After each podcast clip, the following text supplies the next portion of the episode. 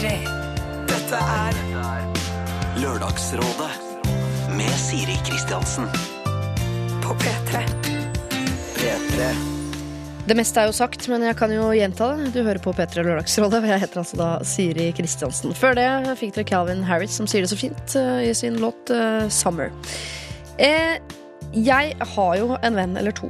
Ja, jeg har faktisk tre eller fire. Men noe av det aller verste jeg vet, er når to og to venner går sammen og finner ut at de er forelsket i hverandre. Og det høres jo eh, ut som en sånn fantastisk ting, og det kan det være. Hvis din beste venn og din beste venninne blir kjærester, så kan det være nydelig hvis det fungerer. Det er bare når det ikke fungerer, så blir alt så innmari vanskelig. Og det som er vanskelig, blir så innmari nært. Og man eh, får plutselig så mange roller, så mange som skal pleases, så mange som ikke skal baksnakkes, så mange du må være enig med, men ikke for enig, for da er du uenig med den andre. Og, altså Det er en enormt vanskelig situasjon å stå i, og samtidig også så skal man jo være venn. Men det er litt for mye å kreve at du skal være venn på bekostning av den andre vennen. Og det er veldig, veldig mange krav.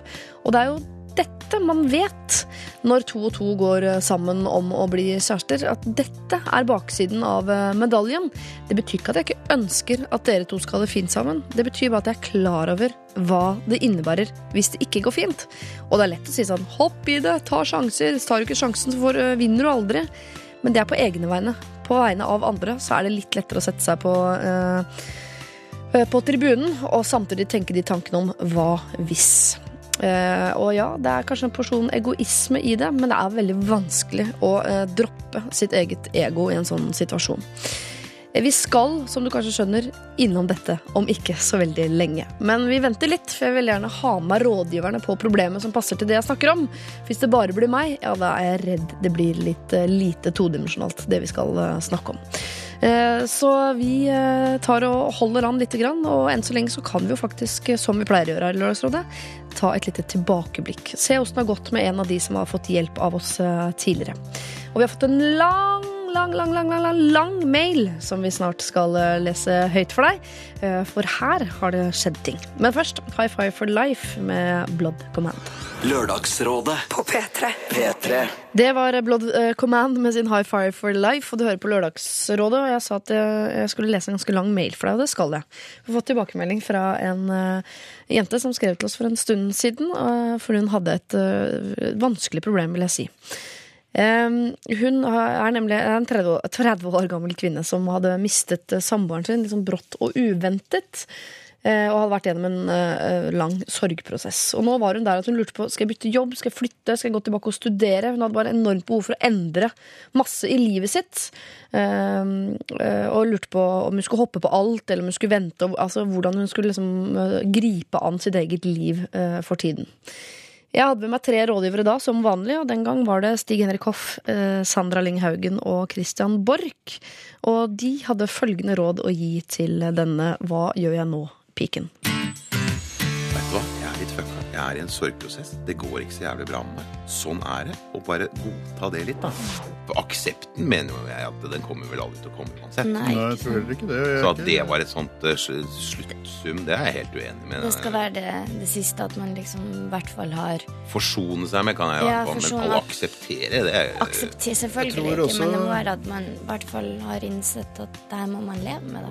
Men jeg tror også man bør være forsiktig med å si at dette er normalt. At det er bare normalt. Altså Hvis du forsøker å legge din egen sorgprosess inn mot en sjablong som på en måte skal være opplest og vedtatt av andre på forhånd, så kommer du skeivt ut. altså. Du er nødt til å finne din helt egen måte å forholde deg til det på, og du må kjenne etter. Men tenker ikke du at eh, Eller det, det gjør jeg, mener jeg. At, eh, at det er lurt å i hvert fall holde på noe som er stabilt, som at man ikke endrer hele livet sitt. Liksom, at, at man har en, den hverdagen og det man er vant til, og prøver å tilpasse etter det først. For sånn som du sier, at man er klar over hvorfor man gjør endringer. Da. Dette er Lørdagsrådet På P3. P3. Vi har eh, fått en eh, lang mail etter dette her fra denne kvinnen på 30 år, og hun skriver eh, til oss. Kjære Lørdagsrådet. Tusen takk for at dere tok opp problemet mitt for noen uker siden. Jeg hørte livesendingen og ble både rørt og lei meg, for dere traff til tider så godt. Noen dager senere reiste jeg bort og har på ferie hørt podkasten så mange ganger at jeg har mistet oversikten. Tidsforståelse er ofte noe man mister i en sorgprosess, og det ble tydelig for meg tidlig i diskusjonen at dere hadde en litt annen oppfatning enn eh, meg av hva for en stund siden betyr. Det har altså gått over et år siden jeg mistet min samboer, så eh, den råeste, mest altoppslukende sorgen har lagt seg. Jeg har kommet meg tilbake til hverdagen. Det største problemet jeg sitter med nå, er er dette den hverdagen jeg vil ha? Før jeg svarer på det, vil jeg gjerne kommentere noen av rådene jeg fikk. Det ble mye Det ble mye snakk om de fem ulike stadiene i en sorgprosess, og det er fremdeles slik at man i noen fagmiljøer, eh, fagmiljøer opererer med disse stadiene. Men nyere forståelse av sorg og sorgprosesser, slik jeg har blitt forklart det av fagpersoner, er at de fleste opplever flere stadier flere ganger og i ulik rekkefølge. Som Christian Borch så fint presiserte, hvis du forsøker å legge din egen sorgprosess inn mot en sjablong som du skal være opplest og vedtatt av noen andre på forhånd, så kommer hun skeivt ut. Det er nettopp det at sorgen er så individuell og uten faste holdepunkter som gjør den så vanskelig. Det er mange ganger jeg har hørt på eh, podkasten og tårene bare triller. Fordi dere sier ting som treffer meg midt i hjertet. Allikevel er det alltid en gang jeg smiler og jubler, og det er når Stig Henrik Hoff gir uttrykk for at han syns begrepet aksept er helt på trynet. Jeg er på dette tidspunktet enig i at forsoning er et bedre begrep, og det er så godt å vite at jeg ikke er alene. Jeg sitter igjen med spørsmålet om eh, jeg lever det livet jeg har lyst til. Svaret så langt er vet ikke. Konsekvensen blir da at jeg følger det rådet som er gjentatt av dere alle, nemlig det å forholde seg rolig, ikke endre for mye før det spørsmålet har fått et mer definitivt svar. Igjen, tusen takk for at dere bekreftet de rådene jeg har fått fra andre det siste året. Deres diskusjon ble en slags cliff note-versjon av alle samtaler jeg har hatt etter at min samboer, samboer døde. Det er godt å ha en forkortet versjon på iPoden. Det er lettere å ta med seg rundt enhver tid enn å ha med seg hele vennegjengen. Med vennlig hilsen Katrine. PS, takk for T-skjorte. Spiller ingen rolle om det er rosa eller sort. Uansett vil det være en hyggelig påminnelse om at jeg tross alt er på rett vei.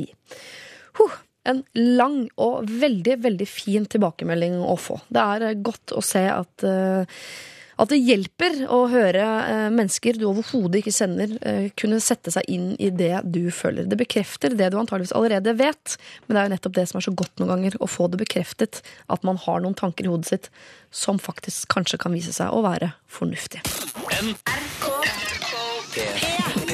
Der fikk du Marion Ravn og hennes eh, In Dreams. Og i løpet av den eh, forholdsvis korte låta, egentlig, så har jeg fått nydelig besøk av eh, de tre menneskene jeg har håndplukket til å gi deg råd i dag. Og først, første jeg har tenkt å presentere av de tre, sitter ved min eh, side med rosa hår, og det er da P3 Morgens egen eh, Line Elvsås Hagen. God morgen. God morgen. Eh, Du har kokt kaffe til oss i dag, det setter vi pris på. Pleier dere å sette gjestene til å gjøre drittjobben? Eh, av og til gjør vi det. men Det kommer veldig an på hvem det er. Petter Ness for eksempel, ville aldri funnet på å spørre deg om å koke kaffe her hos oss. Det er fornuftig. Ikke fordi jeg er, eh, ikke har lyst til det, men jeg ville nok ødelagt den maskinen. Du ville er ødelagt den maskinen, ja. Det gjorde jo nesten Line i Ja, det var veldig rart. Jeg tok opp i kaffetraktefilteret med kaffe oppi, trykka på play. Mm. Så bare smokk opp masse pulver over hele kjøkkenet. Veldig rart. Jeg har faktisk et par kjøkken på samvittigheten. Sånne kaffetraktere som eksploderte og, og har da til, tilsmusset nymalte kjøkkener rundt omkring. Udugelig kaffegjeng. Åssen Ja. er det med deg, Dag Sørås? Er det noe du også har på din CV? Jeg tror at jeg fikk en sånn en espressomaskin, så jeg har ikke forholdt meg til en kaffetrakter på mange år. Så eh, jeg vet ikke hvor jeg skulle begynt. Jeg møtte en i går som sa at folk som sier at en espresso-kaffe er god kaffe, veit ikke hva de snakker om. Men altså, det har eh, gjort like mye med livet mitt som rundkjøringa har gjort for uh, trafikken. Det er i hvert fall enkel og ok kaffe. Det er så godt. Ja. Akkurat det gjør meg litt sur når folk sier det. Fordi jeg syns det er helt greit. Jeg så føler at det er en skikkelig dust som er sånn dårlig kaffekjenner. Ja, det er litt snobbete, altså. Det er det. Det er litt snobbete. Eh, Du forholder deg taus i denne debatten. eh. Ja, jeg, jeg syns altså kaffe, kaffejåleri er kommet ekstremt langt. eh, Men jeg er jo så gammel at jeg syns jo alt var mye bedre før. Du tenner boll og koker og, Jeg og sånn. koker du. Heter det mitt språk. Det er hyggelig. Eh, Jeg spør for tiden eh, rådgiverne eh, om dette med sivilstatus. Det gjør jeg alltid, men jeg tar også en runde innom sommerplaner for tida, og det er jo ikke tilfeldig, det. Jeg, jeg lurer på hva dere skal i sommer. Det sier litt om dere som mennesker. Eh, Dag, hva skal du? Eh, på mandag så drar jeg til Nord-Norge en tur. Så Ja. sønnen min får treffe besteforeldrene. Der sner det, visstnok. Wow. Jeg hørte snødde i Én Tromsø grad var det i går. Så det blir jo stas. Og så eh, Er det vanlig oppe i nord? Nei, det er, det er faktisk litt sånn ekstraordinært, akkurat det her, at det sner i Ja. siste halvdel av juni. Eh, men eh, Så det blir ei uke. Ja. Og så skal vi, vi ta med fruen til eh, Kroatia en tur. Ah. I, eh, Love vacation. ja. Så Kula, det blir hyggelig. Split. Ja, Nå innså jeg at jeg ga inntrykk av at ungen ikke skal være med. Det skal han også være. Ja. Så eh, det er ikke så mye puling. Ikke noe mer hvor i Kroatia skal dere? Vi skal til Dubrovnik, Å ja. Mm. ja, ja, ja. som vil er sikkert mainstream-plassen å dra. Går jeg ut ifra. Aldri vært der før. Nei, jeg har ikke vært i Kroatia sjøl. Jeg bare Ja. sier ja, ja, som om jeg er verdenshatt. Ja, ja, ja, sett det på kartet. Sett det på kartet. Eh, Line, hva skal du? Eh, Jeg skal for første gang i hele mitt liv, nei ikke hele mitt liv, nesten på veldig lang tid, skal jeg ikke jobbe. Oi. Så jeg skal ha ferie, så da skal jeg ligge mest mulig på et gress ut ved kysten der jeg kommer fra Stavern. Ligge med en bok, høre på radio, ligge på ryggen rett ut, og så lukte på gresset. Jeg tenkte du var sånn, jeg skal på interrail og en del festivaler. eh. Nei, jeg skal på noen festivaler da. Og mitt aller første bryllup i hele mitt liv. Oi! Mm. Gamliser eller venner eller Eh, venners venner. Hæ? Ja, altså jeg er en bekjent som skal i et bryllup. Holdt på å si. Jeg er med et følge, som det også heter. Så mitt største problem nå er å finne ut hva jeg skal ha på meg, for jeg aner ikke hva dresscoden er i et bryllup. Er du, er du kvinnen bak eh, plusstegnet i en invitasjon? Altså, Ja, det er jeg. Er det, er det kjedelig? ja, så du skal ut sammen med en gutt som du er på dealeren med, da? Eller? Eh, Og det er ganske på dealeren hvis du blir med i bryllup, skal jeg fortelle deg. nei da, det er ikke helt det. Det er ikke helt som det foreligger. Si hvordan det foreligger, da. Du slipper ikke unna dette. Oh my God, jeg rødmer. det er noe litt annet som det kanskje foreligger. Ok, greit. Har dere klina? Jeg føler meg Nå blir jeg 14 år gammel. Jeg elsker, jeg elsker å plage barn. Du er det nærmeste vi kommer barn her i dag. Vi har klinet. Dere har klinet, ja. Å, det er deilig. Eh, du skal få slippe unna for en tid. Eh, Petter Nest, jeg kommer på nye grusomme spørsmål, så kommer vi tilbake til deg. Men eh, enn så lenge, Petter Næss, hva skal du i sommerferien? Også sjønære opplevelser. Jeg skal kjøre båt, bl.a. forbi Stavern, innom Stavern. Kruttornteatret, f.eks. Ja, der, som jeg er en tilhenger av. Og så skal familien til Biscaya-delen av Frankrike og Spania. Biarritz og San Sebastian og sånt. Litt mer omskiftelig vær enn på innsiden av Middelhavet, men allikevel veldig veldig fint. God sjømat, eh, stor tidevannsforskjell og, og flotte, karriområder. Ah, Det hørtes fint ut. Ja, det, det, det er fint. Jeg har vært i San Sebastian en gang før, eh, og det er fantastisk. Ligger det et fengsel der? Eh, nei, det er ikke det der Fangene på fortet-fengselet. Jeg tenker fengselet høres San Sebastian. ja, det, det gjør ikke jeg, altså. Det, jeg tenker, tenker strender og fine kafeer og tapas og sånn. Ja, men uh, nå er det kanskje Det er jo som et Det norsk er sånn, fengsel. ja, det er sånn det er norsk fengsel fengsler om dagen. Eh, Men når vi først snakker om hva du skal i sommer, så kan du også fortelle litt om din sivile status. Den, er, den er gift. Den er gift, ja. Ja, og jeg skal i mitt eh, Kanskje, jeg aner ikke, jeg skal i bryllup i august, men eh, det er jo da et av mange bryllup. Ikke, ikke egne. Jeg har bare vært gjennom ett eh, eget bryllup. Og det, det var jo kjempefint. Det er faktisk 24 år siden. Syns du ditt bryllup er det beste bryllupet du har vært i? Ja, det var kanskje et av de bryllupene jeg fikk med meg minst av, men, eh, men, eh, men det var veldig bra, altså. Det var fint vær. eh, 16. juni eh, 1990. Oi, så du hadde bryllupsdag nå Jeg hadde nettopp? 24 år for eh, kun kort tid siden. Det året ble jeg født. Ja, der kan du se. det, det har ikke vi noe med. Eh, Så eh, Nei, eh, hva, hva var spørsmålet? Jo, jeg er fortsatt gift, da. Ja, Og om det var det beste bryllupet? Etter Ja, det, vi har ledd ja. andres bryllup sånn? Ja, dere gjør det sånn, ja. ja, ja. Ja, Sånn nei, gjør nei det, det. var, eh, det var et rush, da. eh, Masse venner som Og jeg syns jo det. Jeg syns alle var flinke, hadde fine bryllup og, og, og sånt. Og bra taler. Men jeg, jeg syns det var litt egen schwung over vårt eget eh, bryllup. Ja, det er bra, det. Eh, vente litt med deg, Line. for Du skal få lov til å ligge og mørne borte i hjørnet der en liten stund til. Dag, hva er din sivile status? Jeg er fortsatt gift, Ja. og har fortsatt aldri vært i et bryllup. Nei! Nei. Åssen er det mulig, da? Eh, Vi hadde ikke noe bryllup. Det var bare en Ja, men Du har vært i andres bryllup som gjest. Nei, aldri. Aldri. Nope. Er du oppvokst på en satanistisk Ja, eh, nei, det er bare liten ikke så mye giftermål blant uh, de som jeg omgås. Så uh, Shit. det er jo perfekt, så jeg forstår. Men jeg vet, det har selvfølgelig vært kult å oppleve én gang. Ja, Men uh, Det har du jo all så langt lar det vente på seg. ja. Mm. Men du, tenker du at du skal gifte deg selv en dag? Jeg er jo gift, Ja, det sa du jo. Herregud. unnskyld meg. men eh, vi hadde bare ikke noe seremoni. Det- Morsan fiksa det ut på hytta, Ja.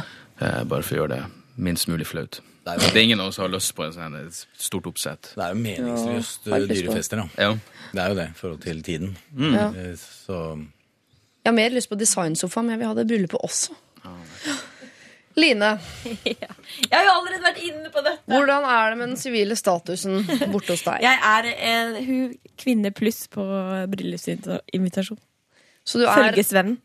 altså, du har en følgesvenn i livet som du har Jeg har fått meg en klinet litt venn, som med? bestemor eh, vil kalle det. Mm. Og det er en gutt. Det er en gutt, ja. Ikke sant? Det er fint å ta en Petter, du er også gift med en kvinne. ja, Eh, jeg er det. Dag med en kvinne også. Kjedelig. Streiting. streit gjeng. kjedelig- Ja. Eh, men denne gutten da, Line. Hvor gammel er han?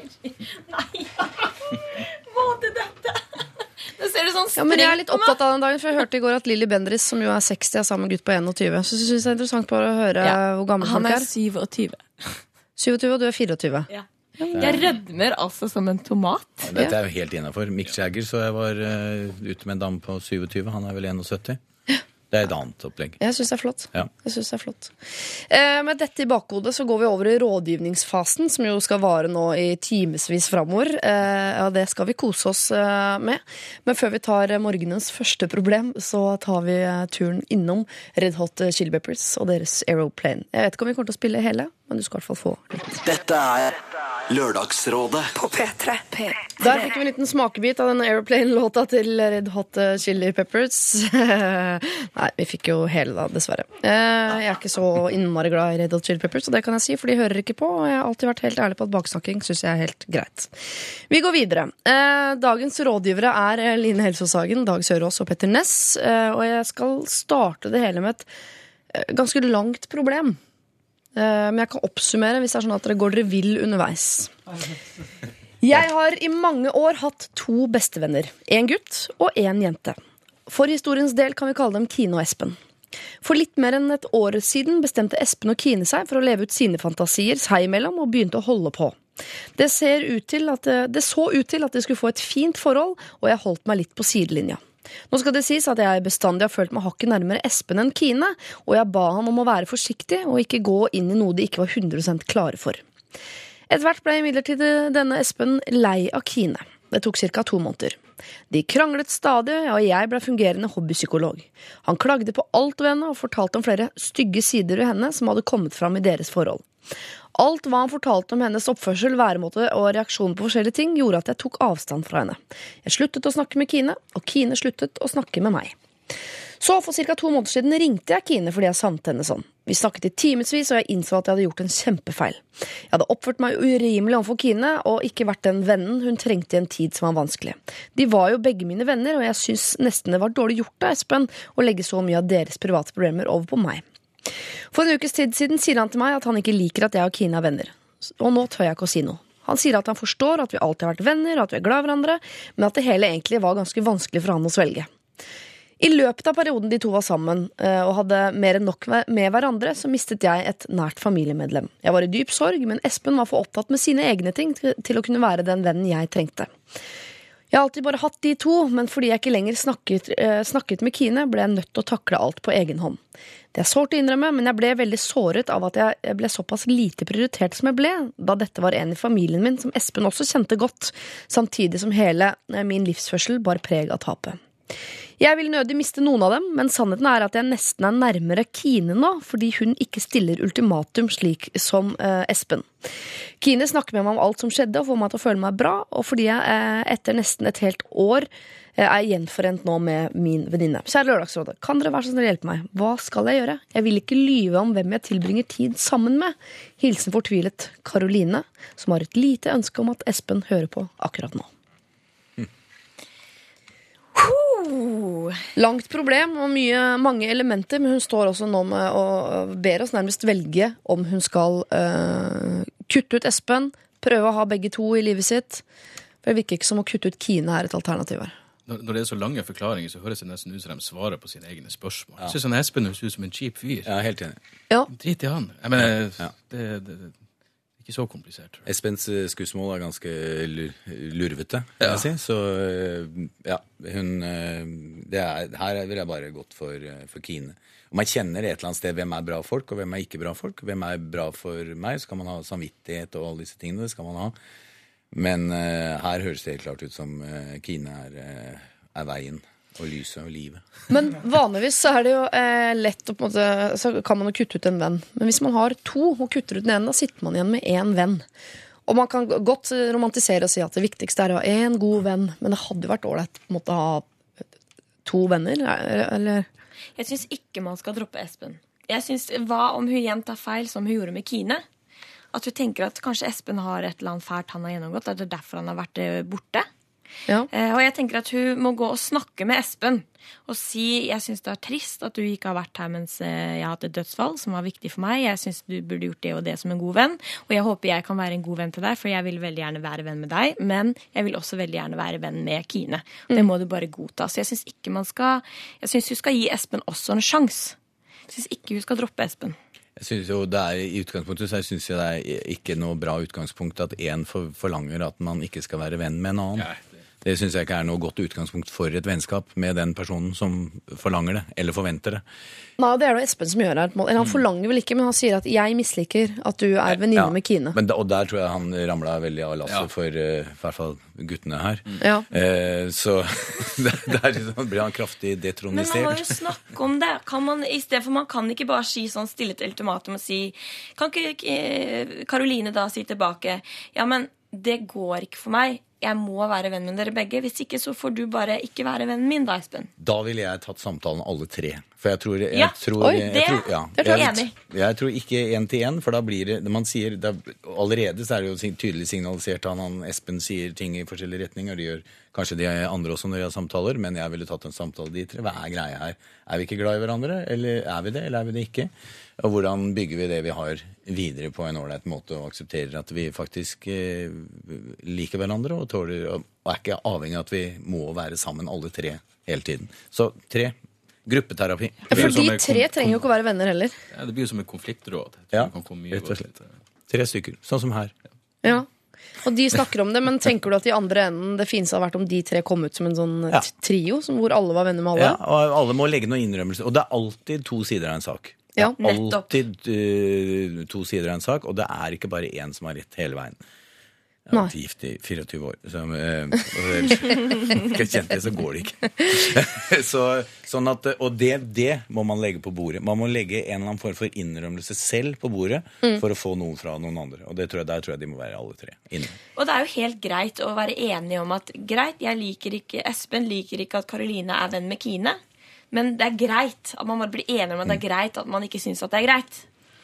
Ja, for jeg tenker at Karolina kan være venn med både Kine og Espen uten at Espen og Kine trenger å ha noe med hverandre å Helt gjøre. enig. Det synes jeg helt For innafor. på et eller annet tidspunkt så får Espen seg en ny dame, og da er ikke han, bryr han seg ikke om om Kine er i, i, uti der, eller hvor hun befinner seg, og Kine får seg kjæreste. det, det har jo noe med Det er jo fordi de har vært sammen at det ligger noe sårhet der, at Ja. dette plutselig er vanskelig for Espen. Men jeg syns det er utrolig smålig av han å skulle liksom begynne å bestemme hvem Karoline skal få lov til å være venner med. Ja. Men det hadde vært hyggelig om hun kunne beholde begge to. Fordi eh, hvis Karoline er en sånn Det er, det er ikke alle jenter som har en eh, guttevenn, og vice versa. Men på et eller annet tidspunkt så tror jeg hun kommer til å trenge liksom Man trenger venninner òg. Og unnskyld meg hvis ikke de klarer å løse det. Det er ikke gode nok venner for hverandre. Helt riktig. Ferdig med den saken. Men jeg tror at ja. folk vil sette pris på det motet som ligger i det å si, kalle inn til uh, gruppesamtale. Og hvis de ikke gjør det, som sier, så, så da var det feil. Ja. Kalle den til gruppeterapi. Jeg kan ja, godt, jeg kan... jeg kan, kan, kanskje ikke ta, kalle det gruppeterapi, men uh, og så ta med en sånn liten dukke. Du kan trykke på og hvor det gjør vondt og sånn. Vennlig scene og konfrontasjon. ja, ja, Og masse teambilder. Sånn, Nå skal vi tegne følelsene våre, Ja, folkens. Og så skal vi ut og hoppe i hoppeslott etterpå. Ja. Eh, Det hadde jo vært litt gøy egentlig å bare kjørt full teambuilding med de tre på, sånn, på Bolkesjø, en eh, Viken. Sikkert på sånn skytebane sammen. Ja. sånn. Paintball. Det kunne vært litt gøy. Um, jeg syns det er litt um, Jeg syns det er ganske mye å kreve at de tre skal snakke sammen. Eh, For vanligvis så ber man jo folk snakke, snakke sammen to og to. Det er ikke alle som klarer det engang. Så snakke sammen tre stykker. Jeg syns det, er et, eh, det er et hårete forslag. Men jeg, det? jeg slenger det i potten. Men jeg, synes syns det er hårete. Jeg, jeg, synes det jeg, tror det er helt umulig å finne noen løsninger. For at man, man vil nødvendigvis si Denne Espen, i hvert fall sånn som han fremstilte, jeg håper du hører på. Eh, jeg også. Eh, sånn som han fremstilte, så virker det ikke akkurat som han, han er eh, han, vet, ja, han driver et eller annet spill som gjør at han snakker på en måte til den ene og på en annen måte til den andre, tror jeg. Og det, det tror jeg man kan få lufta ut i en sånn Der, der, derfor jeg fortsatt står inne for Dump Espen. Espen. Ja, Jo, Snakk med han, og så dump han. Det er jo, dette problemet som er mellom de, er jo egentlig et problem mellom Espen og Kine. Det er jo ikke egentlig noe Karoline trenger å forholde seg til. Karoline har to venner, hun. Hun har ikke noe med problemene mellom de to å gjøre hele. Så jeg, jeg Ja, men Hvis den ene vennen sier at det er fint hvis du ikke er sammen med den andre, så, så, så er det et problem. Men jeg Ja, men da ville jeg sagt sånn, gå tilbake til det du var inne på, Line. og Sånn. Men jeg, jeg, jeg kan være vennen din, og jeg kan være vennen til Kine. Men hvis ikke du kan være vennen min pga. det Jeg hadde altså sendt ballen over til han. Her er det du som må velge hvem som kan være venner. Jeg velger å prøve å være venn med deg, men jeg velger også å være venn med Kine. Nå er valget ditt. Eller så finnes det jo på Skype, sånn at man kan koble to personer opp mot hverandre i en telefonsamtale. Kanskje Karoline kunne koble av Kine og Espen over en sånn telefonsamtale, sånn at de ble konfrontert på skjermen om å fikse problemet dem imellom. Oi, Men skal Karoline være der, da? Nei, nei, for Nei. man kan ringe de opp fra hver sin jeg vet kant. at man nemlig. teknisk kan, Ja. men burde hun være til stede på en av de? Sånn Nei, men da slipper hun, For det er jo tydeligvis der problemet ligger. Så da Ja. slipper hun å være der. Så er det litt mindre ubehagelig å ta det skjerm mot skjerm istedenfor face mot face. Og så plutselig er det på dealeren igjen. da. Det syns jeg jeg tolker at Karoline her ikke er så interessert i. Uff, stakkars. Eh, Karoline, eh, du skriver at du er fortvilet. Det forstår jeg. Hvis du eh, er så tøff at du tør å kalle inn begge to til en samtale, så gjør for all del det. Men for veldig mange så er det for mye å be om at man snakker sammen bare to og to. Men jeg, jeg, jeg syns jeg hører her at eh, Espen er liksom Han er den råtne poteten i kurven her. Så hvis noen skal eh, ristes litt, så er det han. Så jeg ville bare sendt eh, valget tilbake. Enten sånn jeg, jeg, kan være vennen din, hvis ikke du kan være vennen min eh, mens jeg er sammen med venninnen eh, Kine også, ja, vet du hva, så er ikke vi venner lenger. Men da må du vite at det er et valg du har tatt, og ikke Jeg- et valg jeg har tatt. Ut fra det lille vi har hørt her, så, eller lille, det er kanskje ikke så riktig, men eh, fra det jeg har hørt, så vil nok han bare umiddelbart begynne å slenge dritt om Kine. Ja. Eh, og det er det jeg mener man kan unngå eh, hvis de er alle tre. Ikke sant? Hvis du vil gjøre det. Det er kanskje den streiteste måten å gjøre det på, men det krever helt ekstremt mye av deg. Og det vet ikke, kjenner jeg ikke så godt ennå, Karoline, så det er vanskelig for meg å si. Eh, men jeg vil vite hva du velger, så send meg en eh, mail på lralfakrøll.nrk.no på hva du gikk for hvis det blir gruppeterapi. Altså, det har vært hyggelig med en liten MMS, altså. Det må jeg innrømme. Eh, Karoline, Kine, Espen og den lille myke dukka som dere kan trykke på for å vise hvor det gjør vondt. Dette er P3. My Love Route 94. Uh, Jess Glynn har du hørt her i NRK P3, Lørdagsrådet. Uh, vi har uh, akkurat skjenket oss hver vår kopp med kaffe. Eh, regissør eh, Petter Ness har fått sin kopp. Komiker Dag Sørås har fått sin kopp. Jeg, programleder, har fått min kopp. Eh, og Line Elvsåshagen, P3 Morgen, du har også fått din kopp, og det er du som er kreatøren bak denne kaffen. Petter har allerede sagt høyt at han syns det smakte dritt. Eller du sa det med dine ord, da, Petter. Ja da. Ja da. Det smaker Dag, dritt. Ja. Dag, du har ikke sagt så mye. Nei, jeg, jeg må ha drukket så mye Nespresso, for jeg syns det her var helt greit. Jeg syns det var Ganske sterkt, i um, hvert fall, og det, det liker jeg. Beskt og bittert, syns jeg. Og i overkant. Ja, her er noe som ikke har vaska kaffetrakteren. Eller ikke trakteren, men kanna. Den Ja. som det er på nå, for det smaker ganske surt og veldig sterkt. Tror ikke de har tømt ut det rensemiddelet? Ja. For sterkt er godt, men surt er ikke så godt. Så da er det egentlig ikke min feil at den er sur, bare min feil at den er sterk. Ja, det er jo eh, skaperen av kaffen som også må vaske beholderen den skal befinne seg i, da. Men jeg lurer på om det kanskje var produsent Jonas, Dr. Jones, som helte kaffen over i kaffekanna. Dette må vi finne ut av. Jonas? Det stemmer på en prikk. Men, men jeg skylte kanna godt før jeg helte over. Ok, så er vi tilbake til at det er selve kaffen som er vond. Ja. Ok. Men skal jeg gå og brygge mer, jeg da, kanskje? Nei, jeg skal ha i meg den kaffen, ja, om det koster meg livet. Det er koffein i. Okay. Ja. Ja, Vi skal over til noe mye eklere enn denne kaffen. faktisk. Hvert øyeblikk så skal vi eh, opp i nesa på en fremmed eh, mann. Eh, og vi skal også ut igjen av denne nesa, og da på hans eh, finger. For det er der eh, problemet ligger. Men eh, først, altså, dette er Carpe Diem og deres her. P3 Lørdagsrådet. på P3. Walking on a Dream, Empire of the Sun var det der, og før, eh, som jeg jo nevnte, Carpe Diem og deres eh, her. Eh, problemet har dere allerede fått noen stikkord om. Det handler om nese og hygiene. Og her kommer det altså. Hei, gjengen.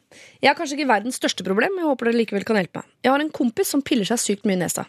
Det er liksom ikke som om han forsøker å være diskré heller. Det er fingeren rett i nesa, og det er ikke litt, men hele tiden. Vi er studenter og leser mye sammen. Da er det ofte sånn at vi sitter overfor hverandre, og jeg ser pillingen hans konstant i sidesynet. Jeg har forsøkt litt diskré å gjøre han oppmerksom på at han faktisk graver etter gull foran et publikum, ved å rette blikket mitt mot han i akten. Men det ser ikke ut til å ha effekt. Det vil da si at hånden forsvinner fort ut av eh, nesegrevet, men så snart jeg ser ned i boka igjen, ja, så er fingeren tilbake. Og dermed sitter jeg en hel dag på biblioteket og observerer at busene ender på gulvet. Ikke er vi bare gode studiekamerater, men han er også en av mine beste guttekompiser, så det ville vært veldig ubehagelig å bare si det rett ut. Nettopp fordi man påpeker at vennen sin er ekkel. Dette kom opp som et samtaleemne med en venninne som også har observert pillingen, så det er ikke bare jeg som har hengt meg opp i denne uvanen. Hun er eh, for så vidt enig med meg at jeg ikke kan si noe direkte til han, men at det på en eller annen måte må ta slutt. Spørsmålet er da, fins det en fin måte å kunne pakke inn dette for å si noe, eventuelt hvordan, eller må jeg bare finne meg i pillinga? Det kan jo være at han ikke ser på dette som en ekkel uvane, og kanskje av at han er fra en bygd, så er dette ok å gjøre blant folk. For å prøve å se det positive med situasjonen per i dag, må det være at busene havner verken i munnen eller på klær og møbler. Men jeg skulle så gjerne ønske at han ikke gjorde dette foran folk i det hele tatt. Mange jeg sender hører på Lørdagsrådet og ønsker derfor å være anonym. på forhånd, takk. Hilsen frustrert observatør Ole. Ok, Først vil jeg bare oppklare. Ja. Jeg kommer fra bygda. Det er ikke, ikke vanlig kutyme å pille seg buser i nesa på Nei, dere gjør ikke det på landsbygda? Nei, altså, alle gjør det sikkert litt her og der, men det er ikke vanlig. Det er ikke det vi er kjent for. Nei. Eh, det var godt å få det oppklart, Ja, for det er også godt. nemlig en tanke jeg hadde. Nei, jeg var vel eh, klar over det. Men eh, har, er det noen andre som har en sånn eh, pillemann i nær krets? Det slo meg plutselig at jeg har faktisk det. Han gjør det når han drikker. Oh, ja. Da, så eh, jeg treffer han stort sett eh, når vi drikker. Men jeg, da, jeg må innrømme at jeg aldri falt meg inn og, og si noe til han.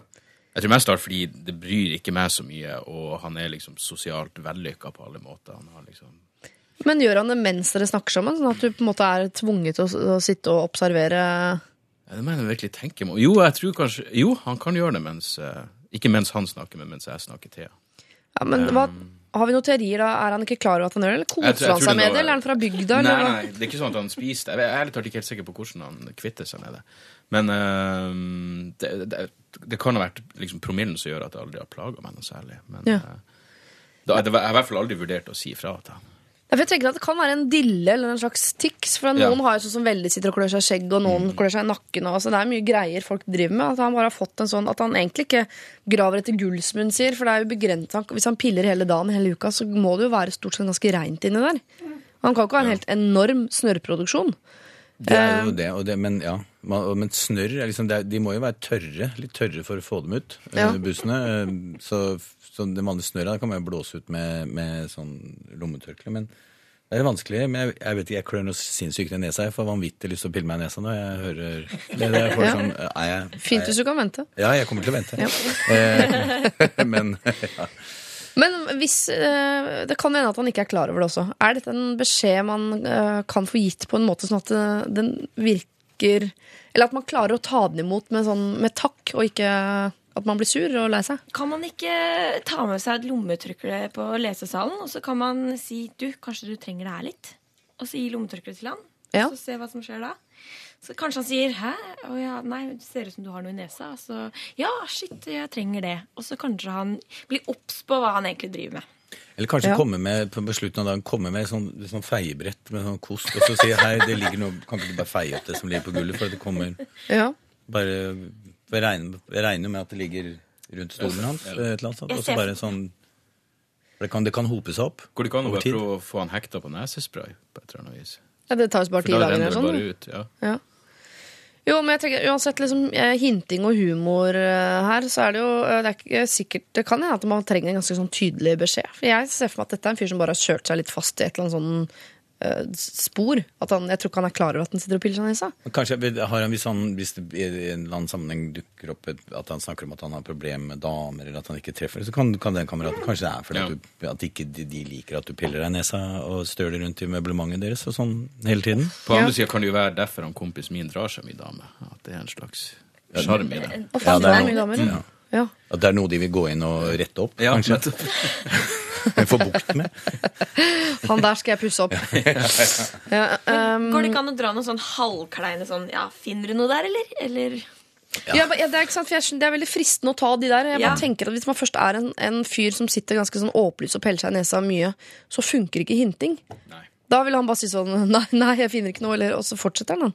Jeg tror han var ganske sånn Da jeg gikk på ungdomsskolen, så fikk jeg sånn brutal beskjed av en venn om at jeg bestandig hadde drit i ørene. Ja. Og eh, det var utrolig ubehagelig der og da, men i ettertid det har gjort det, det satt spor, liksom. Men, men på en positiv måte. Ja, Nå skrubber du ørene dine med Ja, ja. neglebørste. Så ja, Ja. Jeg, jeg husker det jo fortsatt. Ja. Så um... Nå sier du ja, jeg vet det. ja. Jo, men jeg samme, det har jeg sagt sikkert eh, 100 ganger i Lørdagsrådet nå, men jeg fikk jo ganske streng beskjed i sjette klasse av Imran om at jeg burde begynne å bruke BH. Og da kan du banne på at jeg kjøpte BH den ettermiddagen og har brukt det siden, også når jeg dusjer og sover. Så det setter jo Jeg tror noen ganger man bare må være veldig sånn tydelig sånn du, Nå må du slutte å pille deg i nesa, for du gjør det hele tiden. Og så er det kleint der og da, og så slutter han med det. Er ikke det Jo, jeg tror det. Bare, det er egentlig sånn jeg pleier å si også. Bare gå rett inn og si slutt med det der, sånn, for det ser guffent ut. Men jeg må innrømme, jeg syns det der er vanskelig. Jeg Men det er lettere å se andre gjøre det enn å gjøre det selv. Ja, nettopp. Jeg går rundt grøten og rundt grøten og Ja. rundt grøten. Men går det ikke an å gå såpass mange ganger rundt grøten at det til slutt blir tydelig? Du blir bare svimmel, da. Ja, ja, ja. Nei, Nei, det er bare, da tror du, da han som piller busser at det er noe, et eller annet rart du driver med. Da blir det ene uvane du har, som drar vekk fokuset vekk fra hans busepilling. Men vi kan inngå en, eh, et, eh, en slags avtale. Inn, altså Ole og jeg kan inngå en avtale. For jeg er også en kompis som piller seg ganske mye i nesa. Og jeg, også, det er bare en, en ting han gjør veldig mye. Så vi kan eh, inngå en avtale her og nå at innen Innen to uker, for da går jeg ut i ferie, som det heter på voksenspråket, i løpet av de neste to ukene Eh, så skal Ole, du skal sakte fra til din venn, og jeg skal sakte fra om min. Eh, Så skal jeg fortelle om min erfaring med dette, og du skal få lov til å fortelle om din erfaring på hvordan vedkommende har reagert. Eh, Og så skal vi eh, se om det er positivt eller negativt. Hørt, kan det fungere? Det det blir som en, nesten som en konkurranse mellom Ole og meg her nå. Kjempegod idé. Konstruktivt. Ja. Hvem får det beste resultatet? Eller hvem gjør det først? Prøv å ringe opp Ole da, om to uker. Ja. Jeg skal ringe deg, Ole, og høre om du har eh, gitt beskjed til kompisen din om at han må slutte å pelle seg i nesa. Og så må jeg ha gjort det først. Eller noe. Det var jeg ikke helt forberedt på, merker jeg, men eh, jeg, tar, jeg tar det. Jeg tar det. Jeg skal eh, si fra. Vi tar nye problemer om litt, og har du et problem som du har lyst til at vi skal løse, eller andre avtaler du vil inngå med meg, så send for all del inn til lralfakrøll.nrk.no. Dette er Dette er P3. Hi, as a kite var det der since last Wednesday. Um, jeg sitter jo her i Lørdagsrådet på NRK P3 sammen med morgenfull Line Elvsås Hagen. Hun med det rosa håret. Ja, hun fra P3 Morgen, som alltid er blid, ler veldig mye. Og kløner en del, eller? Er du liksom klønete type? Litt som fuglen? Ja, jeg er litt klønete, ja. Ja. ja. Sprengte jo en kaffemaskin her i stad, så jeg vil Ja. nå si det. Ja, det var mitt inntrykk av deg, at du er litt sånn eh, vim- litt vimsete. Ja, vimsete. Litt distré, vil jeg kanskje si også. Ja. Eh, Dag Sørås, mye mer altså, eh, rolig. Mer, jeg, tror ikke du, jeg tror ikke du mister bilnøklene så ofte. Jeg tror du er ganske sånn Ja, nei. Men jeg tar jo dårlig. Jeg er på kaffekopp nummer to nå. Så jeg tar eh, Har du hatt låses min del av suspekt avgjørelse. Ja. Har du hatt låses med fire ganger i løpet av et år, f.eks.? Nei. Nei, nettopp. Og Du er en av Norges aller beste komikere, men du er ikke noen fyr som går rundt og er ekstremt sånn eh, Nei. funny i hverdagen? Nei, nesten aldri, faktisk. Nei. Du, fordi du sparer det? Påfallende lite. Ja, jeg har såpass lite å gå på at jeg må spare det jeg har det gjelder. Ja. Yep. ja, det er lov, det. Eh, og eh, Petter Ness, som jo er Hvor gammel har du blitt? Jeg er blitt 54 år. 54 år gammel. Eh, regissør først og fremst, men også en liten skuespiller. Ja, men regissør. Først og fremst. Men også en liten skuespiller. Også en bitte, bitte liten skuespiller. Hva er den største rollen du har hatt? Største rollen, ja. Det er lenge siden. Det var sånne revyer og teaterforestillinger og sånt. Ja, Men det var liksom før Ja. du var født. Og, og, eller, ja, før hadde, 1990. Hadde du ikke en liten birolle i Max Manus? Max Manus spiller jeg Martin Linge. Mm. Ja. To minutter og 15 sekunder eller noe. Det var faktisk ganske bra, syns jeg. Husker du Eh, replikken din ennå? Eh, jeg husker at jeg måtte dubbe meg selv på, på sånn sunnmørsk. Han var fra Ålesund, jeg, men jeg spilte det inn.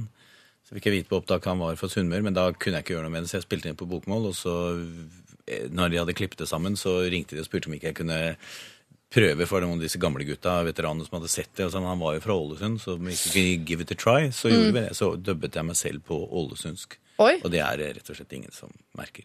Ja, det skal jeg se om igjen med nye øyne nå. Se om jeg ser om Ja. ja. Det er er med, men det skal også sies at eh, med lydtekniker som var utrolig bra til å strekke og, og holde på og hjelpe disse til, og så hadde jeg en sånn sunnmørscoach på øret.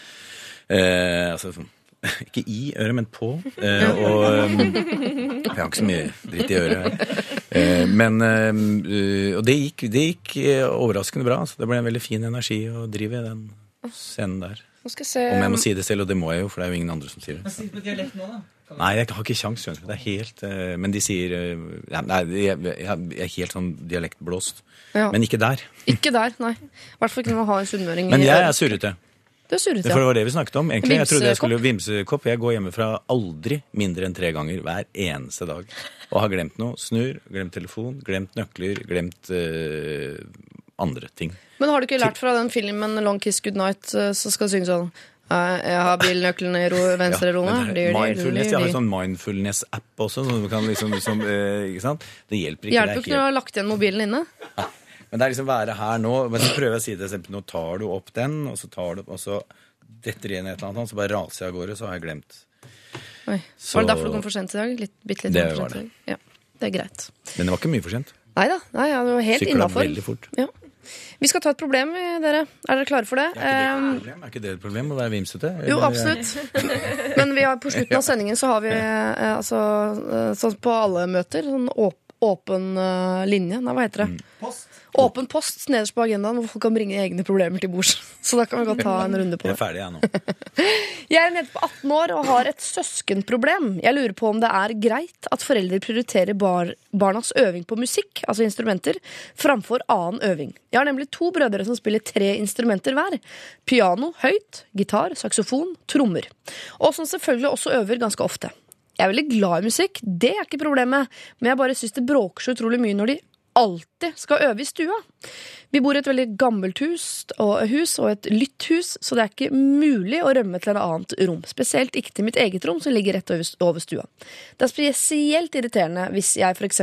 sovner på sofaen og våkner til tut-tut uten noen som helst form for advarsel. Men da er det min skyld som sovnet på sofaen, at jeg blir vekket da av denne saksofonøvingen. Det er også ikke særlig hyggelig de gangene jeg starter sent på skolen og kan sove lenge, men likevel våkner klokken syv fordi noen har bestemt seg for å øve piano før skolen. I tillegg opplever jeg at foreldrene mine aldri rydder huset klart når jeg trenger å øve til noe. Eh, Det er da eh, da er det lov til å bråke så mye man vil. Dette føler jeg er veldig urettferdig, ettersom de tilrettelegger så innmari for musikkøvingen anytime. Min øving til eksamen er liksom ikke viktig nok. Så mine spørsmål til dere er Er det greit av foreldre å prioritere musikkøving framfor annen øving? Eller burde jeg også kunne kreve stillhet når jeg trenger å øve, ettersom de fyller hele huset med bråk med sine instrumenter til enhver tid? Eller er jeg barnslig nå? Hilsen Hilde. Altså denne annen øving er man litt sånn, hva mener du? Men altså øving til eksamen, for eksempel, om man trenger litt eh, ro. For eksempel når hun kommer her, så er det jo stort sett fordi hun sover. Og det er ikke øvelse på noe som helst. Hun trenger ikke å øve på å sove. Nei, Det klarer det er kroppen ikke, selv. Men det bør, det, bør jo, vi, det bør jo være, særlig hvis det er såpass aktivt Jeg vil jo alltid heie på folk som musiserer, spiller et eh, instrument, og det syns jeg er veldig bra. Jeg har en sønn selv og en datter som spiller gitar, og en sønn som spiller tromme. Jeg syns det er helt topp. Men, ehm, men eh, her høres det ut som de bør ha et eller annet skjema. Bare. Altså tids, timeplan. Da kan du den ene øve, da kan den andre øve, og da kan hun hvile. Ja. Eh, og hvis hun, eller, eh, da er det hennes Var det henne? Var det jente, var det ikke? Jo. Jo. Da er det hennes tur, og hvis hun da velger å ligge på sofaen, så har hun blåst eh, sin tid. Ikke sant. Eh, Prøv å lage et ukeplan. Ja. men eh, jeg var ikke klart er Musisere, er det et ord? Eller er det noe Ja, du la- musisere er et, eh, Det er et ord, ja. ja. altså altså Så flott. spille musikk. Ja. Drive med musikk. Men er ikke det innenfor eh, typisk kreative gjøremål? Så hvis man plutselig føler seg kreativ i morgen og bare må få det ut på saksofon, så eh, da, skal, da må du sjekke med timeplan først? Er ikke det å sette liksom Nå er jeg vanskeligere, så men er ikke det å sette rammer for kreativiteten? Er ikke det å drepe kreativiteten? Det er ikke alltid at det er eh, så gærent å sette rammer for kreativiteten heller. Nei. For det innenfor eh, det har sikkert sånn. Noen ganger så må man bare forberede seg. Ja. Noen ganger må man gjøre seg ferdig. Og, og, og for, for tiden er sånn. Det er ikke sikkert man er, er kreativ hvis man bare eh, får ekstremt mye tid til å vente på å bli kreativ. Noen ganger må man sette seg i den situasjonen Ja. og, og være det. Så igjen, en timeplan er ikke så dumt. Og sånn, Det er sikkert- det er jo utrolig kjedelig forslag, kjenner jeg, men eh, det er jo forsøk på å løse problemet, da. jeg elsker Så, så, så timeplaner. forklarte det, så tenkte jeg med det samme at barnevernet burde kobles inn. Hvem er det som får lov til å begynne å spille klokka syv på morgenen i stua? Det er jo satanisk. Men jeg er helt enig i at hvis de får en form for medmenneskelig struktur på det, så Men jeg, jeg, jeg vet ikke om hun, om det er underforliggende at hun føler noe eh, misunn... Altså et eller annet med at hun har to søsken som tydeligvis har en eh, interesse som foreldrene sikkert deler. Eh, Jeg kan se for meg at du blir utafor da. Ja, for hun, Det virker som hun er litt lei seg. For at, øh, Litt så er hun irritert fordi hun har lyst til å sove, og noen spiller instrument. Det er vel den barnsligere delen av det som man kanskje bare må legge bort.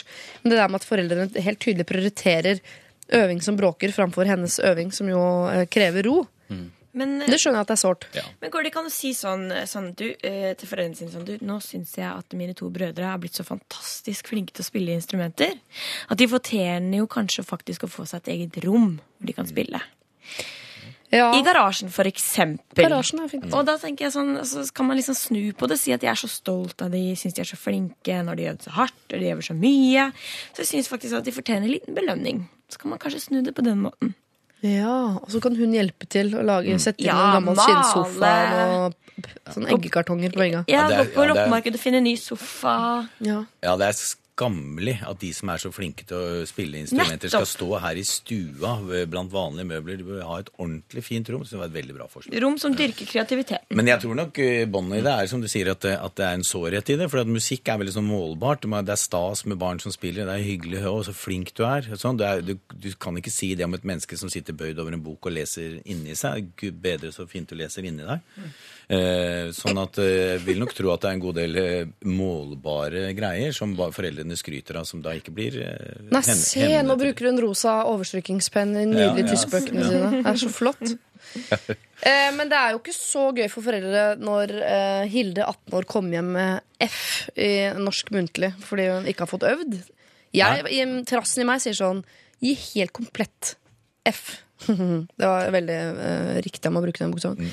Um, på de neste tre prøvene du har nå, så viser du til mamma og pappaen din. Jeg, altså, jeg, nå feiler jeg helt. Det er siste året på skolen, og nå går det helt i grøfta. For jeg får ikke konsentrert meg. Nei, Men hvem er det som skal hjelpe henne med å gå, komme fra F og opp til A? Eller? Ah, det, Det siste året. Ja, det er, litt, det er litt dumt å gjøre det siste året. Jeg ser den, men kanskje hun kan inngå en deal med læreren. ja. Kan få noen falske prøver, Ja, noen ja, falske ja, karakterer og en liten sånn eh, notis i meldingsboka. meldingsboka. Hva skjer med Hilde? er Hun har bare- blitt stokk dum. Ja, eller bare viskle ut den F-en i blyant som de bruker, som slappe lærere bruker. Mm. Nå sitter du og piller deg mye, Nei, ikke i, men rundt nesa. Jeg klødde litt rundt nesa. Ja. Ja. Upassende, syns du? Nei, men du har fått, det virker som du har fått tics etter det forrige programmet. Ja, det setter seg litt i huet. Er altså helt sånn Alle er det, kan, Skal vi ta en dopause? Liten dopause. eh, men altså eh, fokusere positivt og be foreldrene eh, skaffe et øvingslokal til de utrolig kreative og nydelige brødrene sine som hun elsker å høre spille instrumenter. Ja, Er det det? Ja, og funker ikke det, gå for den F-en. Gå for F-en. Ja, og så heller ta et ekstra år på skolen. Altså. Og så timeplan til slutt. For det var de, det, var de kjedeligste forslagene. Det må jeg bare innrømme. det. Det er ofte de som funker, da. Det er ofte de som Hvis funker. du er 18, så hjelper det vel ikke med barnevern uansett. Så. Nei, men 18, da tenk, det er lov å flytte hjemmefra òg. Ja, det er. Det er absolutt eh, på høy tid. Hvis du er 18 år ber barnevernet pent om å komme, da. ja ok. så kan Da gjør de sikkert et unntak. De er rause sånn, altså. Ekstremt rause på det. Kjære eh, Hilde, 18 år. Eh, jeg syns du må snakke med foreldrene dine, og du kan godt foreslå at dere kommer med en timeplan. Eh, og spill litt også på at du føler deg nedprioritert. Selv om ikke din øving er like synlig, så er den vel så viktig. Det går antagelig siste året på skolen, og hvis ikke du nå får snart roa til å øve, så kommer det til å dukke opp f-er på, på dine prøver. Men så syns jeg altså, hvis dere har en garasje, at du skal fokusere positivt. Sånn, skal vi ikke nå la de gutta få et øvingslokale? Jeg kan være med å innrede og være litt sånn eh, proaktiv på det greiene der i positiv retning. Det i samarbeid med en kalender er jeg helt sikker på at kommer til å gjøre at den familien deres kommer til å bli et prakteksemplar på en velfungerende familie som kommer til å skrive bøker om og starte institusjoner og nye skoler og reformer ut ifra. Eh, Jeg ønsker deg eh, lykke til, kjære Hilde. Lørdagsrådet På P3. P3 Rytmeklubben fikk vi der her i Lørdagsrådet med sin Sin.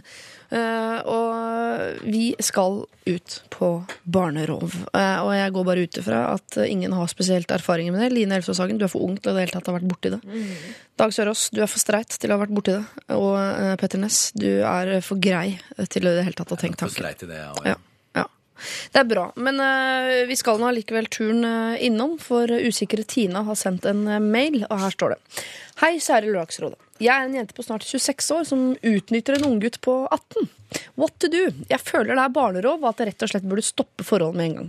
Jeg syns det er flaut å presentere han for venner, og i det hele tatt si at jeg har funnet en gutt som er så ung.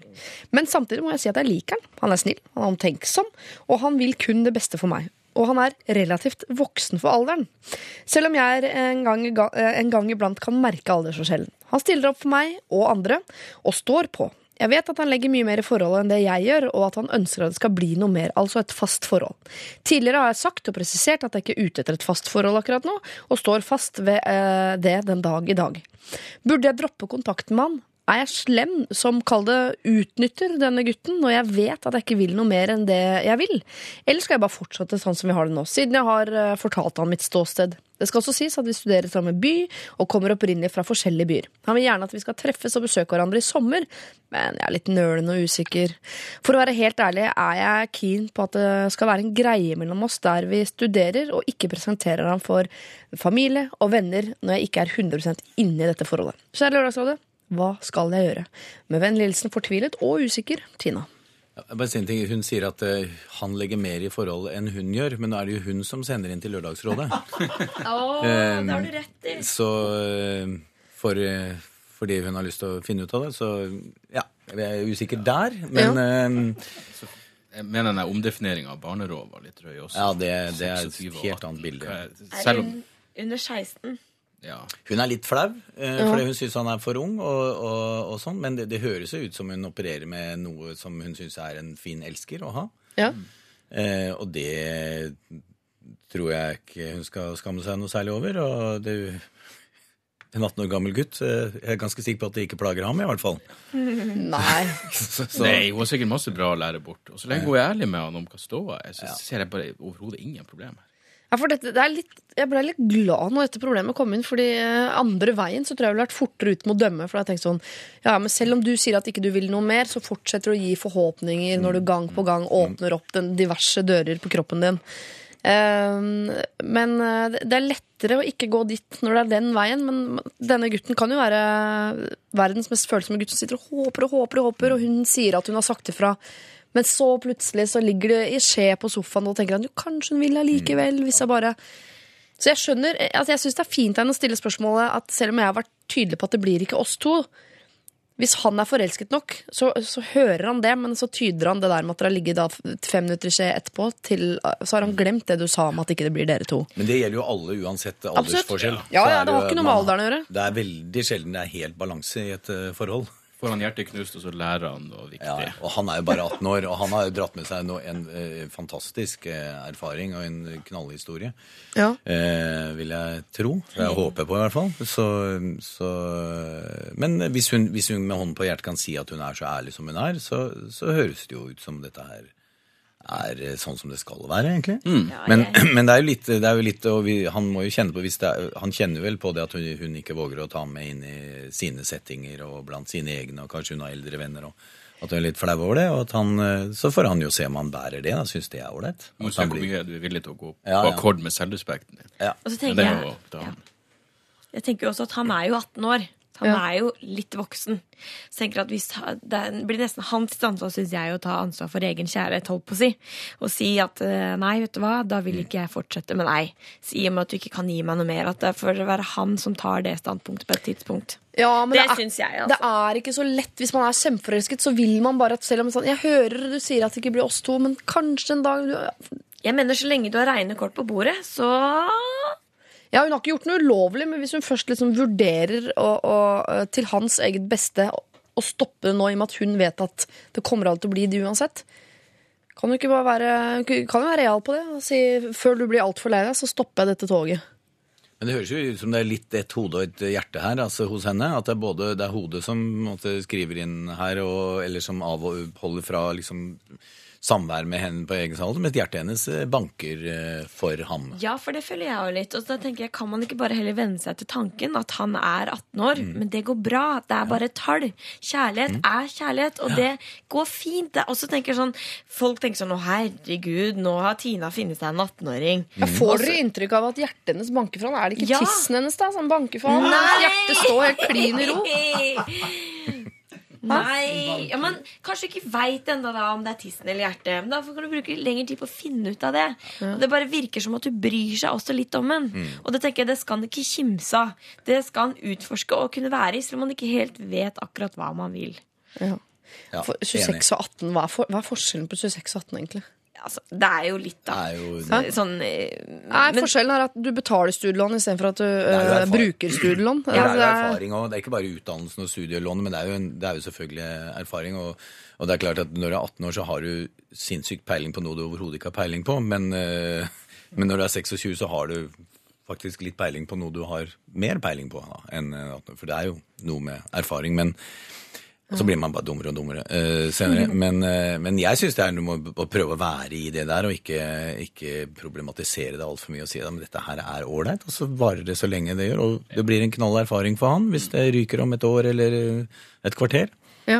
Og jeg jo Og jeg også nevner igjen bare Lilly Bendriss, 70 år, er sammen med en på 21, og hun er ikke spesielt flau. For å si det sånn. Og så tenker jeg også at hopp i det. Bare introduser den for venner og familie. Fordi da kommer du til å se, tror jeg, at det er ikke så farlig likevel, selv om man er 18. For man tenker sånn shit, nå har det funnet seg en 18-åring.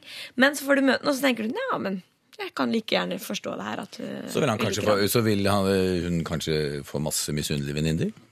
Ikke sant? Jeg leser en liten bit her om igjen. Ok, Vi har fulgt dårlig med, skjønner jeg. Han vil gjerne at vi skal treffes og besøke hverandre i sommer, men jeg er nølende og usikker. For å være helt ærlig er jeg keen på at dette skal være en greie mellom oss, der vi studerer og ikke presenterer for venner og familie. Jeg er ikke 100 inn i dette forholdet. Hva skal jeg gjøre? Jeg bare tenker. Hvis han er litt mer forelsket enn henne, så er det greit at hun noen ganger går på en sånn uh, tissen min banker-smell. Men hvis hun begynner å presentere for venner og familie, så blir det der eh, ene gangen hvor hun sa frem at det blir ikke oss to, det, det blir lavere Altså, den lyden er borte nå. Men jeg tror hun er- frykter sitt eget renommé, sitt eget rykte. Det er det som gjør at hun avholder seg fra å, å presentere for Jeg har ikke lyst til å liksom, ta dette videre eh, og sånn. Det tror jeg ikke handler om hun er usikker på om han er en bra fyr eller ikke. Hun er usikker på sitt eget rykte. Ja, og hvis vi ikke enda er 100% inn i forholdet, så tenker jeg, da kan du da bare bruke litt lengre tid. Da driter du i sommeren. Det er ikke da nødvendigvis man skal møtes, men bruk litt lengre tid, og så se. Og hvis ikke man fortsatt vil at introdusere for venner og familie, nei vel, da gjør man ikke det. Da Kan man si det? Jeg vil bruke litt mer tid sammen med deg ja, før vi involverer flere. Ja, det kan man si. Det kan man si. Ja. Det syns jeg er helt greit. Det må være lov til å si. Det er noe veldig bindende med familier. Jeg syns det høres litt romantisk ut òg. Jeg ville ta det som et kompliment. på en måte. Ja. Jeg, vil bare... du villig til å prøve, i hvert fall. Så. Ja. Jeg vil ha deg for meg selv litt. Jeg har så mange fine venninner at jeg er redd for å introdusere. Noen. Ja, ikke se mutter'n så aller verst ut heller. Så du er tydeligvis glad i eldre damer, så jeg lurer på om vi skal kule den. Ja, fortvilet og usikre Tina. Vi er litt usikre, vi også, på vegne av deg, om du faktisk liker denne gutten bedre enn du skal ha det til sjøl. For jeg eh, repeterer, og dette er ord du selv har skrevet i en eh, mail. Jeg syns det er flaut å presentere, sier du. Det sier noe om at det er ikke det at ikke du har lyst, du bare syns det er flaut. Jeg har funnet en gutt som er ung. Altså, du har funnet han. Da er det eh, hjertet som snakker. Det, det er ikke tissen. Eh, og du er ikke 100% inn i forholdet. Bare det at du kaller det et forhold, og at du er noen prosent inn i det. Også, det er noen signaler her, kjære Tina, på at du liker denne gutten bedre enn du vil ha det til, men du er usikker fordi han er 18. 18. Det er topp alder. Herregud. Det er jo ikke å utnytte Det er jo bare å være konstruktiv, vil jeg påstå. Jeg tror hun er, som sagt, som jeg begynte med, hun er lenger inne i dette forholdet enn hun vil innrømme i og med at hun bringer dette til torgs på denne måten. Absolutt. Det er du som sender inn denne mailen, Tina, så vi tror du liker denne gutten bedre enn du skal ha det til selv. Og hvis det er sånn, så kjør på, bruk den tida du trenger sammen med han, men ikke vær så flau for å presentere han for verken venner eller familie. Men hvis du faktisk, hvis det bare er tissen som banker her, eh, så kan du være enda tydeligere på, på det. Eh, altså, si det flere ganger. Det blir ikke oss to. Hvorfor skal du treffe familien min? Jeg interesserer vel ikke elskere for familien min? Hva, hvorfor spør du det hele tatt? Jeg er jo helt ute. Da må man være tydelig hele, hele, hele, hele, hele veien. Og så vil han til slutt uh, måtte ta et valg selv på om han vil være dette her uh, sammen med deg, når det kun er feil kroppsdel som banker. Skal du se hvor trist du blir når han gjør det slutt med. Ja, det er det, vet du. Send oss en mail da på hvordan det går, dette her. Jeg tror du er litt forelska. Ja. Høres jo veldig søt ut, da. 18. Veldig cute.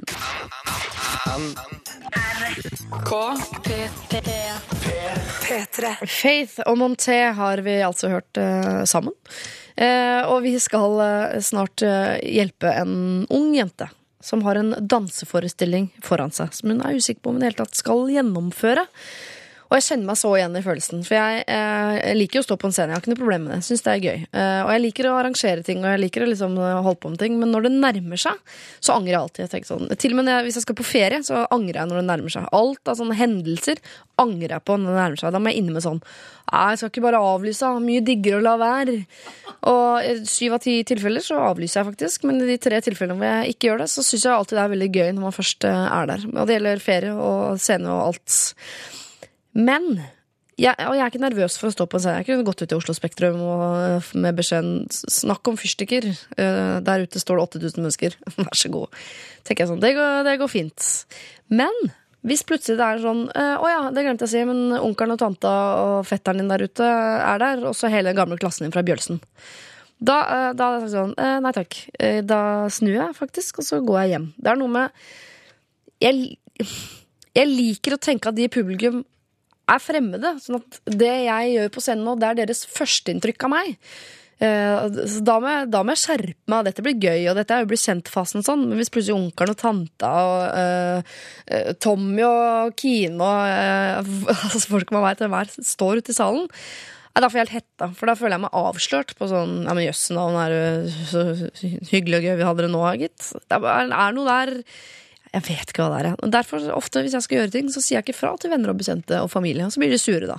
Ikke sant? Og så har vi det gående. Men der, jeg kan bare jeg lever meg veldig godt inn i problemet til denne jenta vi nå skal uh, møte straks. Som skal uh, altså da antagelig danse, og ikke danse, men foran ah, flere hundre folk som hun kjenner lite grann. Heldigvis har jeg tre, med meg tre stykker fra underholdningsbransjen som jeg jo regner med at kommer til å gi tommelen opp og si sånn Kom igjen, dette blir gøy, bare gå ut og gjør det du skal gjøre.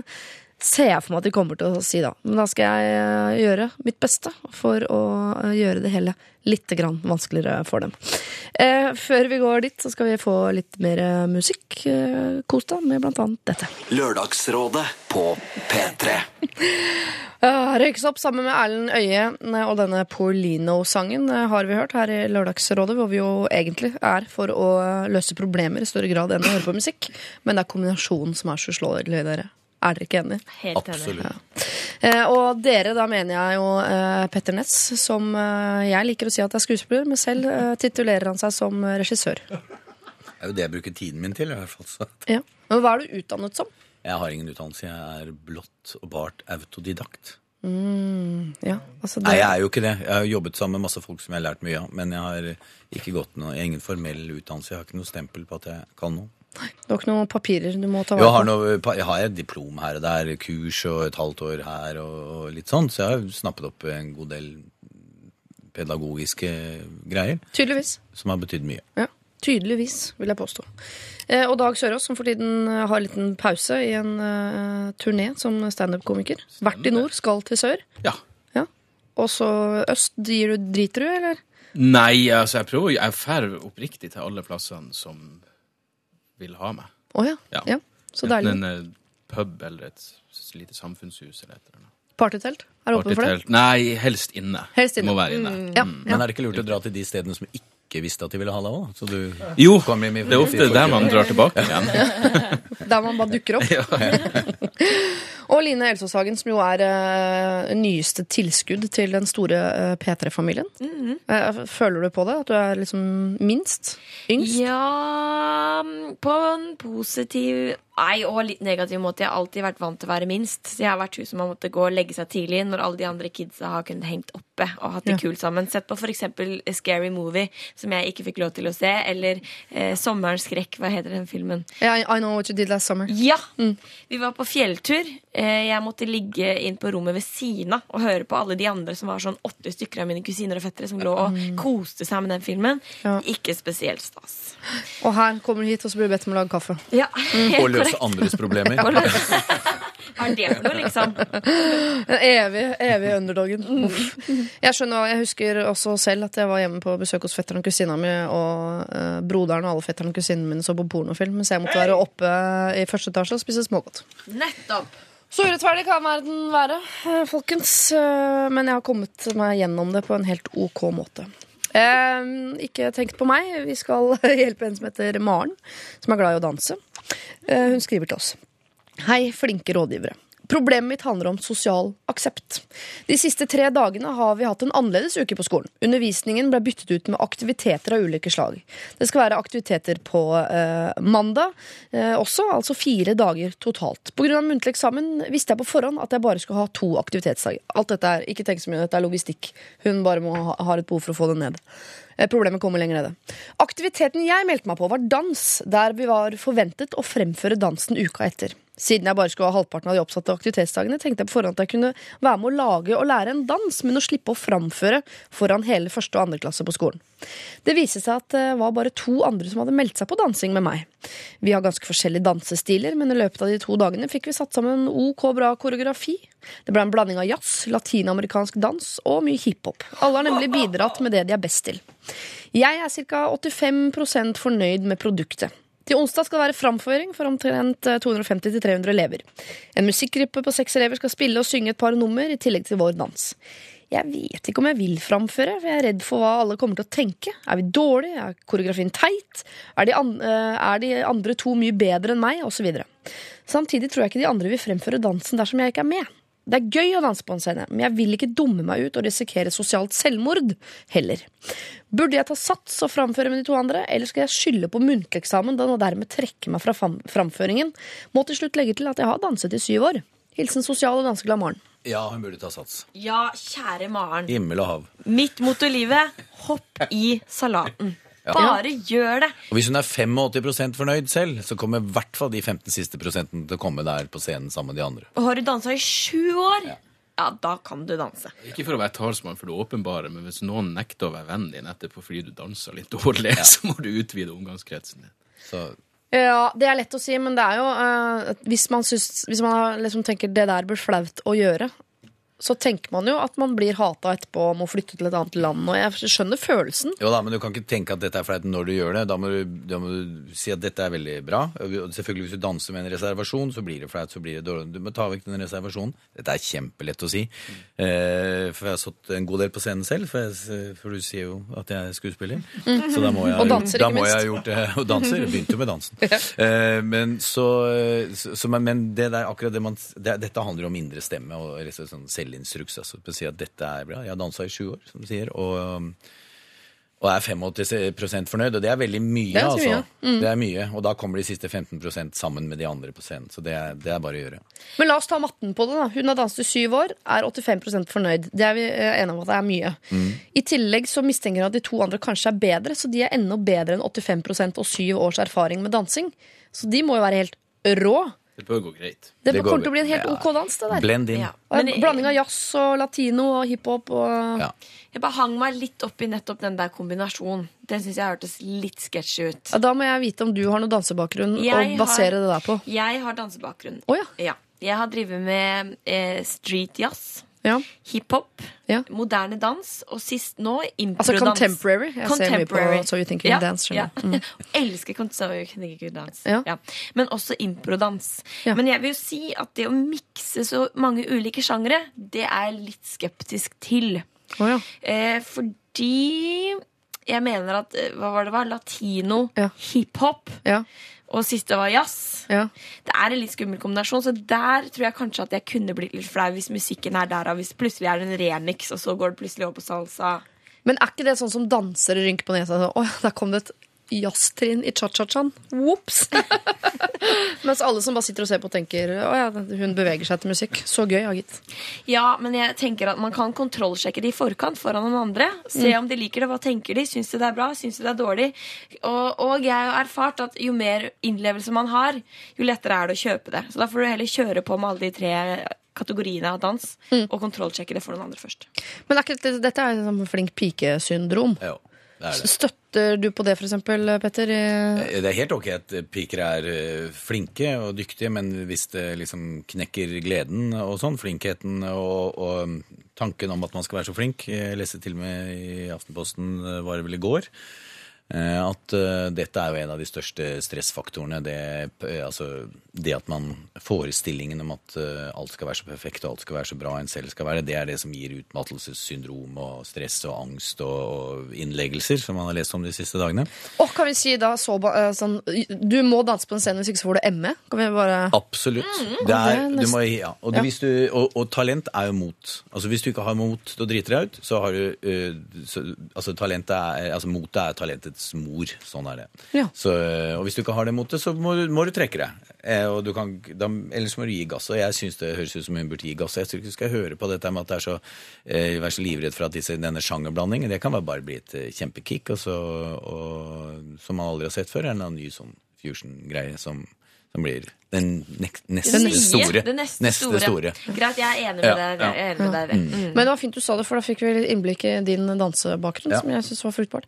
Eh, men Dag, har du noen sånne teknikker for eh, Jeg vet ikke om du noen gang har vært redd for å gå på scenen, ja, men eh, i de tilfellene hvor du eventuelt har gjort det, er det noen teknikk for å komme over det? Det er jo bare det å ikke overtenke og overanalysere. Sånn sett så forstår jeg jo når, når før jeg har premiere på et show, så tenker jeg selvfølgelig at alt det her suger, og det er ingenting morsomt. Det er bare en greie som du må bli vant til, at sånn er det bare. Men så må du bare stole på at det du har jobba frem, er ok. Og når du er ferdig, så innser du at hei, det var, det var unødig stress. Så jeg tror det er helt rett. Bare ikke tenk så mye mer på det, og gjør det du har klart. Ikke begynn å forandre noe så kort tid i forveien. og Kjør på.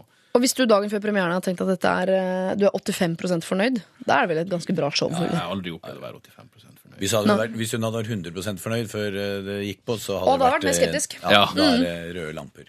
Men nå er det um 85 veldig betyr at du har selvinnsikt, så da går det sikkert greit. Men jeg skjønner, et, et element der som gjør at det er litt verre, er at disse 250-300 publikummerne En ting er å ha 250-300 publikummere. eh, Det vil jo mange synes er forferdelig. Andre igjen synes det er bare gøy. Og jeg tror nok vi fire i dette rommet er enige om at det er eh, mest gøy.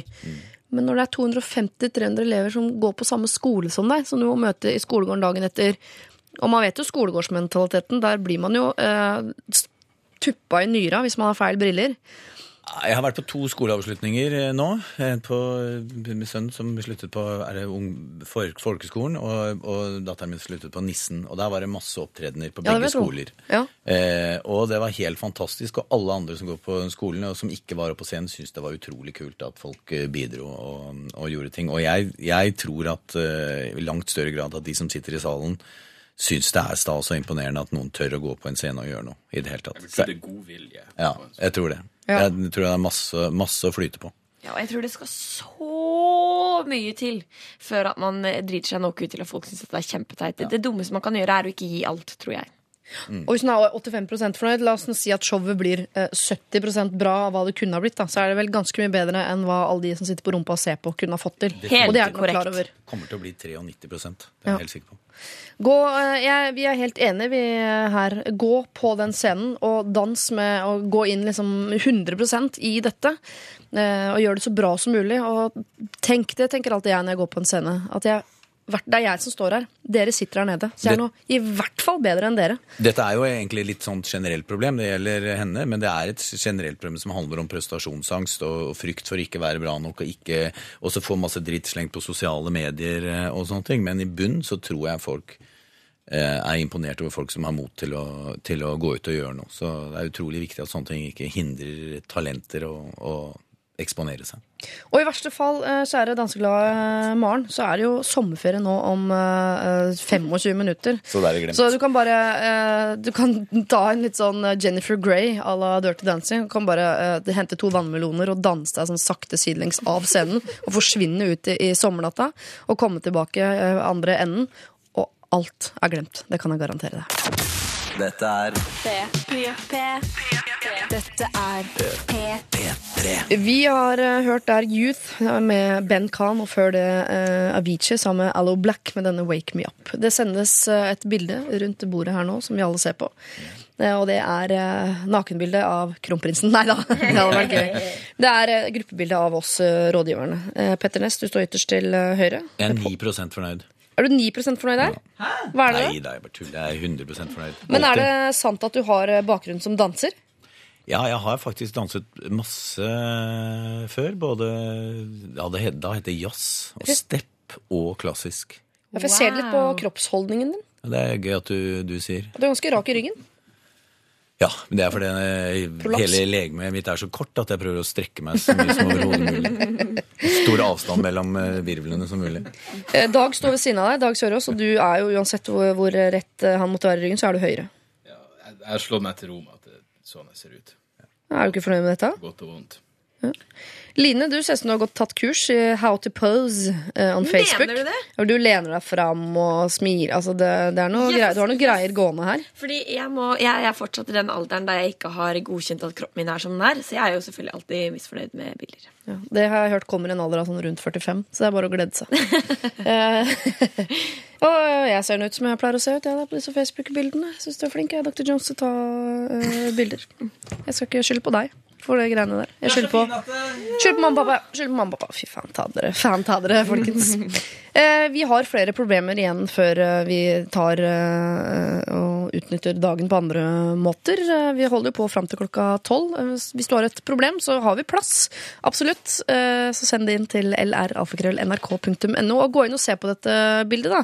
Og se om vi koketterer oss i retning av at vi later som vi er penere eller styggere enn eh, vi er. Eh, sånn som jo i hvert fall to av oss har gjort til nå.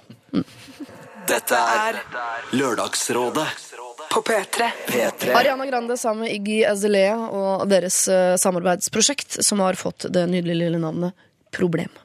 Eh, og det er det vi skal eh, ta nå, men problemet er fra Emma. Eh, hun bor i kollektiv, og der er det jo erfaringsmessig ikke bare ett problem, men opptil 10-20 stykker. Vi skal ta ett av dem. Vi er tre jenter som bor i kollektiv. To av oss er veldig glad i jente nummer tre, men hun har frityrsteker som lukter helt jævlig. Ikke har vi ventilasjon på lille kjøkkenet vi har, og lukta sprer seg over hele leiligheten og sitter i flere dager. Hun er altfor snill ellers og verdens skjønneste menneske, så vi vet ikke hvordan vi kan be henne droppe frityren, som hun er så glad i, på en vennlig måte. Please, hjelp. Hilsen Emma. Uh, ja. Tre jenter, kollektiv, en frityrsteker. Jeg vet ikke om hun er fra eh, England, eller hva? Som er hennes begrunnelse bak denne frityrkokeren. De får mat i avispapir også, kanskje. Ja, antageligvis. Men uh, hva med henne noen kokebøker da, som antyder andre matretninger? Ja, At hun blir inspirert til å lage annen type Ja. mat enn å frityrsteke. Er det alt sammen? Ja. Ja. Det er jo jævlig usunt også, har jeg, jeg hørt. da. Men uh, Det kan godt hende at det ikke er tilfellet. Men kanskje noe annen matlaging som, uh, som ikke lukter sånn. Ja. Altså jeg mener faktisk at denne lukta er eh, Det er helt greit å synes at den er problematisk. I tillegg til jeg vet om noen som bare hater popkornlukta, f.eks. Ja. Og det respekterer jeg. Da Ja. er det sånn, vet du hva, greit, da skal ikke jeg poppe popkorn. Jeg klarer meg uten det.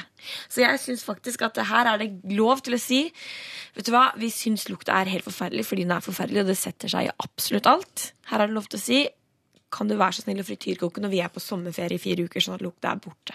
Jeg syns faktisk det. Harsh, men virkelig. Som hater popkornlukt. Pappaen min hater Ja. popkornlukt. Satt vel i popkorngryta som barn, da. Fikk overdose. Ja, men Da er det bra det går an å kjøpe ferdig poppa popkorn. I likhet med ferdig lagd frityrstekt mat. Så det er vel Eller spise mer ute. Invitere henne ut på, på en eller annen billig kafé. Eh, Tror du ikke de ikke, bor Mac- ikke McDonald's, da, eller Men eh, Tror du ikke de er studenter da, siden de bor i kollektiv? jo, jo. Det, det er sikkert ikke så mye penger til, men det fins jo sånne nudelsteder, men de frityrsteker vel kanskje de også. Men er det, går det ikke an å gå litt hardere til verks her, folkens? Altså, Å kjøpe seg frityrkoker, det er som å sette et bein frivillig i grava.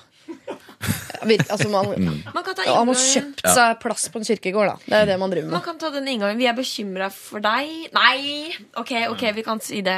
Litt vanskelig Det er som man skal gå fare. Du kommer til å bli stygg! Du kommer til å bli stygg, tjukk, usunn og råtten på innsida. Ja. vi, og vi er veldig glad i deg, så vi vil gjerne at du skal leve så lenge som mulig.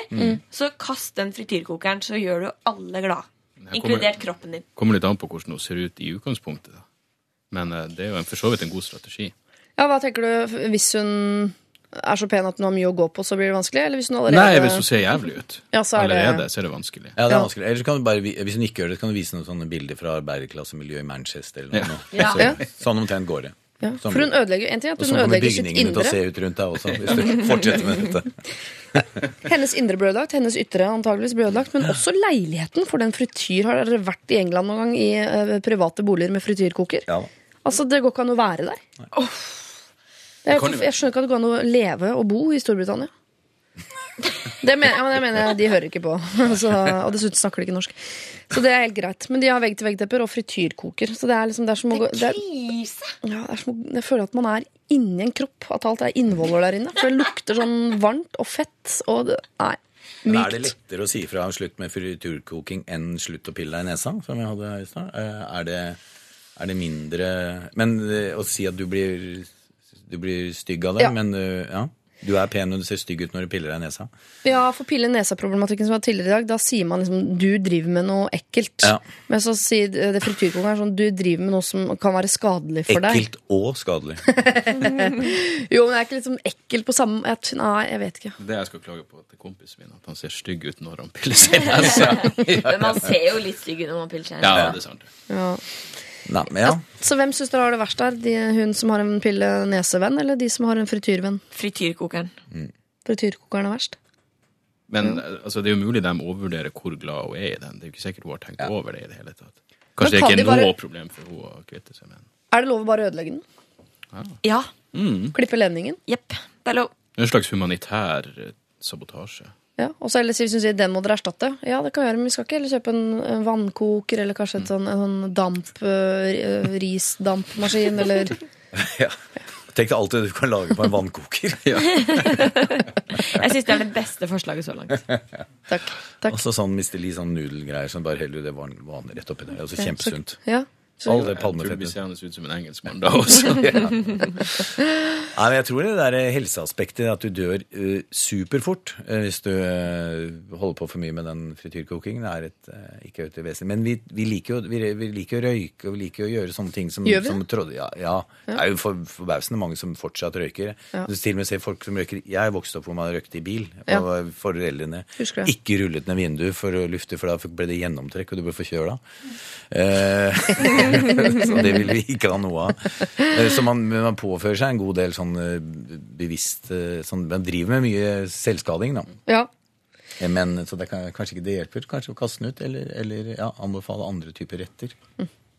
Emma, vi er helt enige her om at den frityrkokeren den må ut. Men dere må jo gjerne prøve å si det til henne på en måte som eh, Med altså, empati, eller hva skal man si. Sånn, du ødelegger kroppen din. eh, du ødelegger deg, eh, hjertet ditt. eh, karet ditt. Det heter hjerte- og karsykdom. Jeg er usikker på Jo, hvor det karet sitter. Men Det er det er vel kar, ja, Hvor sånn. er de igjen, da? ja, de er vel overalt, de, da. Kanskje det bare gjelder menn? Blodkar? Og du ødelegger leiligheten. Eh, alt lukter frityr. Vi orker ikke å være hjemme, vi blir kvalme. Eh, eller hvis ikke hun kvitter seg med den, så hadde jeg faktisk klippet over ledningen. Altså, Latt som det var en ulykke og sagt jeg kan erstatte den, men da blir det en vannkoker. Genialt. Ja. Lykke til, eh, Emma. Den frityrkokeren den må rett og slett eh, ut av huset. Eh, Det som må inn, det er mail, så fortsett å sende det til oss. Vi har en adresse, vi, det er lralfakrøll.nrk.no. Dette er NRK P3. P3. We Are synger hun Faye Vildehagen, og du hører på Lørdagsrådet. Som jo prøver å løse dine problemer. Og mange av problemene vi prøver å løse her i Lørdagsrådet, er ofte relatert til eh, kjærlighet. Og Det er litt rart, egentlig, for kjærlighet og forelskelse skal jo egentlig være liksom en positiv greie, men det er ofte nesten mer vanskelig enn det er hyggelig. Og det eh, dessverre, vil jeg påstå. Det er en del eh, folk man ofte blir veldig lett forelsket i, som for eksempel eh, kiropraktorer blir man fort forelsket i. Man kan fort bli forelsket i en lærer, kan man fort bli forelsket i, og man kan fort bli forelsket i en god kollega, for eksempel. Fordi det er eh, folk som ofte liksom skjerper seg i nærheten av deg, og som viser sin beste side, og som i større grad enn kanskje det som faller dem naturlig, er veldig opptatt av deg, ditt velvære, at du skal kunne prestere, at du skal ha det godt, og de tingene der. Så man blir fort forelska i de folka der, fordi man, øh, man ser dem ikke egentlig helt for hvem de er, men man bare koser seg veldig i deres øh, nærvær. Kanskje litt fordi man får litt ekstra oppmerksomhet, rett og slett. Og man blir jo fort forelsket i oppmerksomhet. Så eh, den forelskelsen vi straks skal problematisere, det er ikke en helt ukjent forelskelsesform. Altså Her er det en maktbalanse og et følelsesspekter som eh, ikke er liksom, Det er ikke det nyeste på markedet. Dette er nok en problemstilling som har vært helt siden eh, jeg er frista til å si steinalderen, men jeg er veldig usikker på om det var mye av dette her i steinalderen. Men det kom nok på et litt seinere tidspunkt. Akkurat når, det skal jeg forske mer på, og komme tilbake til på et senere tidspunkt. Men problemet, det tar vi straks. Lørdagsrådet På P3. P3 Bastille og deres eh, Pompeii har vi hørt, og vi har også hørt eh, Lars Vaular med sin Rett opp og ned her i Lørdagsrådet. Er dere klare for eh, et problem til, kjære rådgivere? Yes. Ja. Dag Sørås. Eh, Nå skal jeg si hva jeg tenker om energien deres. Du, mm. Dag er litt sånn på Du er sånn lavenergistype, litt sånn 40 %-mann. Konsentrert, kalles det. Konsentrert 40 %-mann. Eh, Line, du ligger sånn oppe på makspuls hele tida. Sånn rundt en 90 hele tida. Å, men jeg kan kose meg på sofaen, jeg òg, skal jeg love deg. Og du kan være nede i Å, ti. Ja, ja, Nede i ja, ja. ja. Petter, du er veldig ubestemmelig. Jeg, altså jeg er ikke noe flink til å sitte. Jeg klarer ikke å sitte. Jeg er jeg er best til å gå eller ligge.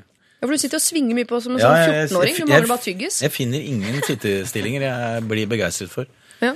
Eh, ikke her heller, selv om dere har eh, tvers igjennom eh, Vi har gjort vårt beste. gjennomtenkte stoler. eh, og sånt, så, Men jeg klarer ikke å sitte stille. Har du, er du begeistret for noen sovestillinger? Har du funnet de? Nei, jeg, jeg våkner stort sett sånn som jeg har lagt meg. Ja, men, jeg har, det er så rart. men, men, men helt innpakket. Som en Eh, taco? Helt, ja, som en taco. som en taco.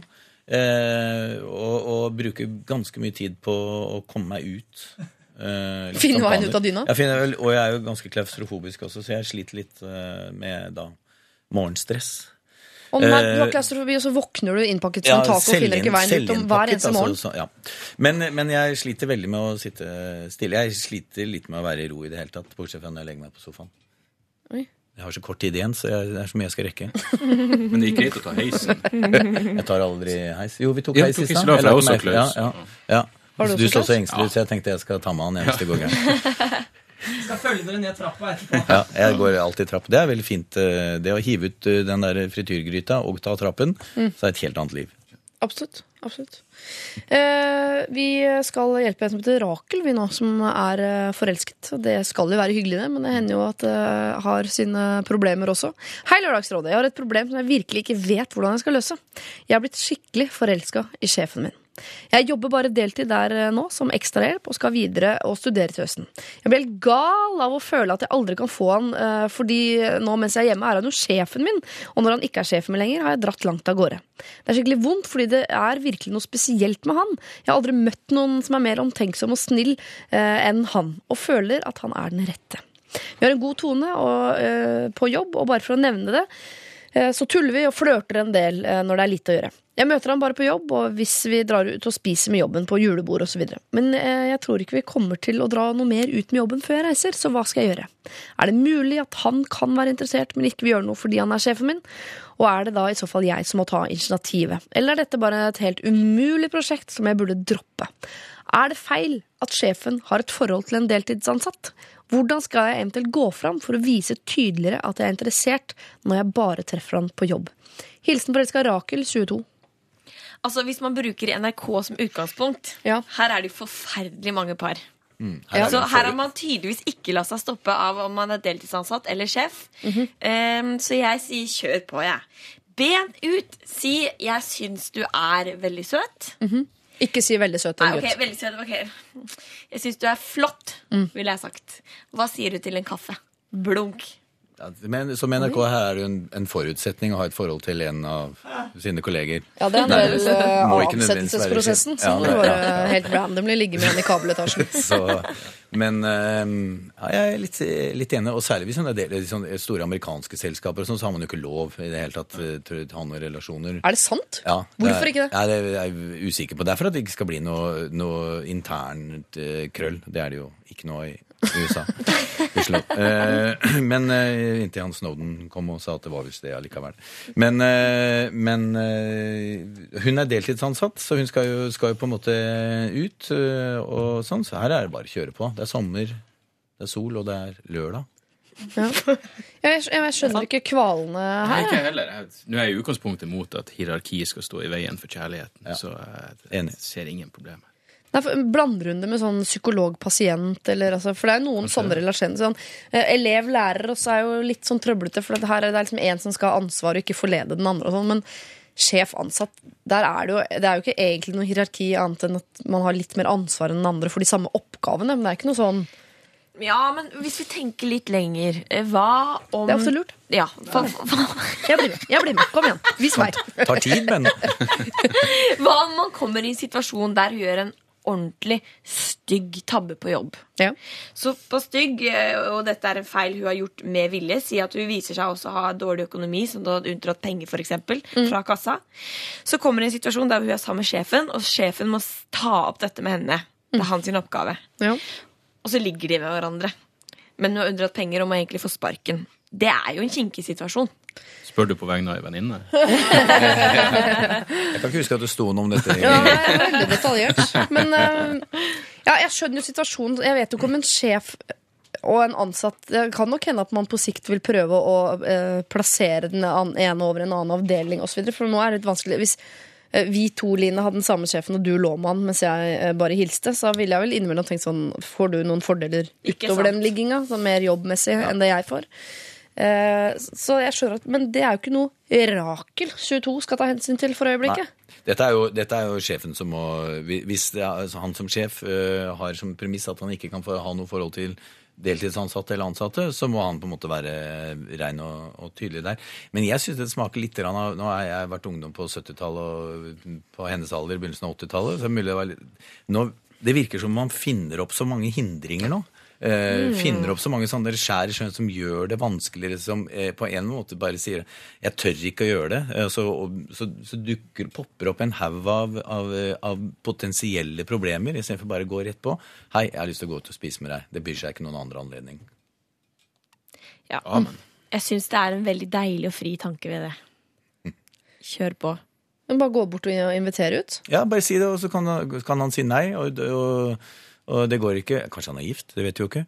Eh, det står ikke noe om, det hadde hun kanskje skrevet hvis han var det. Men, eh, men eh, ja, hun er deltidsansatt. Det er ikke sånn at hun frykter sparken eller, eh, eller noe sånne ting. Og liksom hvor mye kan du drite deg ut ved å fortelle et annet menneske at du er interessert i det, tenker jeg. Og ikke så god tid heller, for hvis du skal etablere et forhold til en fyr som skal overleve avstandsforhold nå, Mm. så må de bli sammen helst i dag. Ja. Kjør I verste fall i morgen. Kjør på! Og jeg, jeg må bare si en annen ting. Ligg Sånn med på generelt. første date. Ja, ja, kjør på. Ikke spar. Og jeg bare sier en sånn generell ting. Man skal jo være innom 22 år, man skal jo innom helst ganske mange før man gifter seg. Nå virker det som om liksom, eh, det er liksom den store greia, og lang, mye dealing og mye dating og mye sånne greier. Rask med dere, altså. Men det er jo deilig å tro på hver eneste, eneste busstopp at det er siste. Så enig.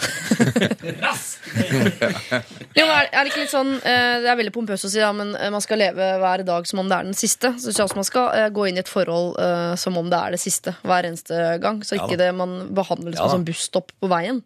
Man må jo gå inn med hud og hår og begge bein. Det er, det er riktig. Men, eh, men eh, ikke, la, liksom, ikke sats alt på at uh, hvis dette ikke går, så, så, så dør man. Man dør ikke av det. For det er bemerkelsesverdig hvor fort mange ting bare går over. Johnny. Cash døde av kjærlighetssorg. Ja, men uh, han var han. litt alkoholrøyk på veien også. ikke? Var litt Du må leve hver dag som den siste, men du bør også være bevisst på at det mest sannsynlig ikke er den siste dagen. Ja. Ja. Det er veldig en nøktern og fin fremstilling av det, som jeg liker faktisk bedre enn originalen. Eh, Rakel, 22. Eh, du spør hvordan skal jeg gå fram for å vise tydeligere at jeg er interessert når jeg treffer ham på jobb. Det har du ikke tid til. Altså, Du må ikke gå fra eh, subtil hinting til litt mer, eh, eh, litt mer tydelig hinting. Må du rett på. Eh, du er flott. Jeg liker det. Så vi går ut og ta en eh, kaffe. Det må du si. Og hvis han sier nei, ja vel, så sier jeg eh, for andre gang i dag, jeg. Det er straks sommerferie. Da er det bare å ta hatten sin og si 'god sommer, jeg skal spise en is', og så forsvinner du ut derfra. Her må du virkelig liksom samle mot, gå rett på, kaste deg ut i det, sånn at du kanskje rekker å få en kjæreste som kan overleve den avstanden du er i ferd med å hoppe ut i. Lykke til, da, Rakel. Dette er Dette er P3. Lugn har vi hørt med låta Mundane eh, her i Lørdagsrådet. Vi, eh, ja, eh, ja. vi skal dele ut en T-skjorte. Når jeg sier vi, så mener jeg dere og Line Elsås Hagen, Dag Sørås og Petter Ness. Dere skal dele ut en T-skjorte til det problemet som på en eller annen måte har beveget dere mest eh, i dag. Og i hvilken retning det har beveget dere, det skal ikke jeg legge føringer for. Men jeg skal oppsummere hvem vi har vært gjennom. Vi har vært eh, innom Karoline, som måtte velge mellom Kine og Espen, følte hun. Eh, Hvor hun vel sa 'drit i han derre Espen', eh, eller kall inn til en slags gruppeterapi. Eh, vi var innom en eh, busemann, eh, en som hadde problemer med at kollega i studiet og bestevenn satt og peila seg nesten hele tiden og ville si fra. Vært innom familien Korps. Hvorfor får gutta i familien så mye tid og rom til å spille diverse instrumenter, og så får jeg aldri noe ro til å studere? Vi har vært på barnerov, dvs. Si en jente på 26 eh, drev og, og utnyttet en gutt på 18, følte hun. Men vi tror hun er forelsket, og ber henne eh, gå fra utnyttelse til nytelse i det forholdet der. Sosialt danseselvmord. Det er det en som er redd for at hun er i ferd med å begå. En som har danset i syv år, er 85% fornøyd med en forestilling som hun straks skal ha foran 250-300 av sine medelever. Hopp i det! Eh, og så har vi da også vært innom denne frityrkokeren. En i kollektivet har frityrkoker. Hvordan får vi den eh, ut? Det var vel ganske greit bare å pælme ut den. Klipp lendingen, få den ut.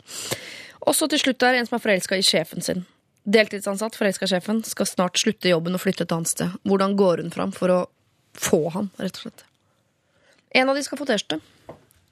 Jeg, hjertet mitt banker ekstra sterkt for Ikke tissen. Ikke tissen, Nei, greit. men for barnerovet. Jeg syns at jente 26 som Bra du ikke sa tissen min. Tissen min banker for barnerov. Det var en veldig stygg setning. Fortsett. eh, jente, jente 26 som eh, er litt flau over gutt 18. Eh, som jeg mistenker egentlig er forelska i gutt 18. Det er det det handler om. Eh, der banker hjertet mitt fordi jeg syns det høres ut som en ganske fin kjærlighetshistorie, og kanskje starten på noe som kan vare litt lenge. Så der vil jeg ha en T-skjorte. Da vil du sende en T-skjorte. Ja. Jeg har to som eh, to T-skjorter til overs. Som, eh, Private ja, som du private. Som jeg har. Nei, men jeg, for meg så står det litt mellom hun som eh, gruer seg til å danse, eh, som eh, har sånn flink pike på 85 eh, Jeg håper at hun gjør det. Og den andre er å redde liv, og det er hun med frityr, frityrkokeren. Altså, man kan rett og slett pælme ut den kokeren og gi henne et lengre og, og kanskje til og med enda bedre liv Ja. Uten den. Eh, der står jeg og eh, vakler litt og, venter litt på neste dom. Ja, ikke for å være vanskelig.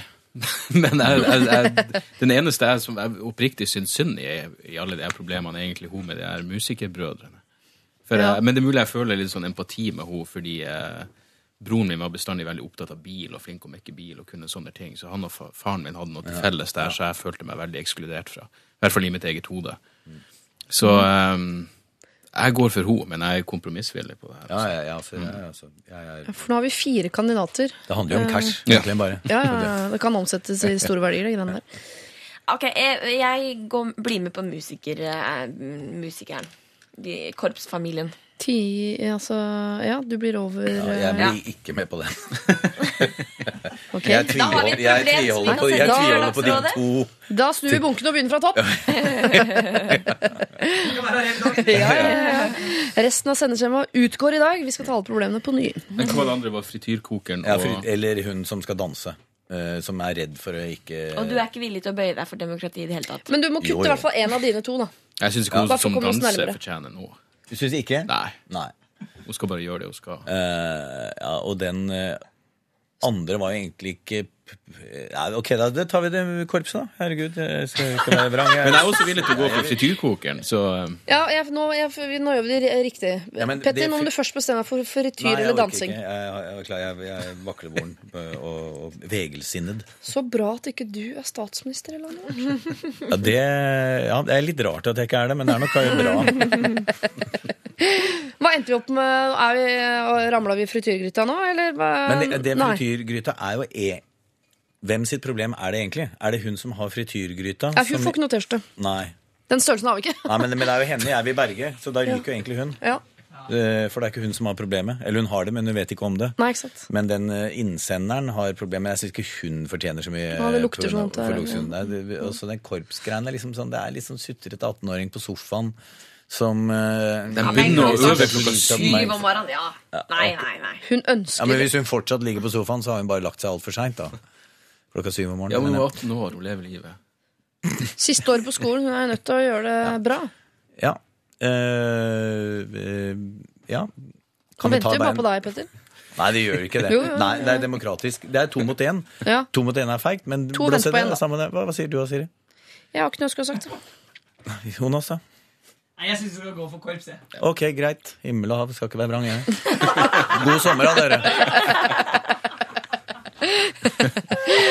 Da, da syns jeg jeg hører at det er god stemning for å sende T-skjorta til en jente 18 år som vil ha litt ro i huset, så hun kan få øvd til prøvene sine nå siste året på skolen, i stedet for at disse to brødrene skal stå og ha det jævla bandet sitt til enhver tid.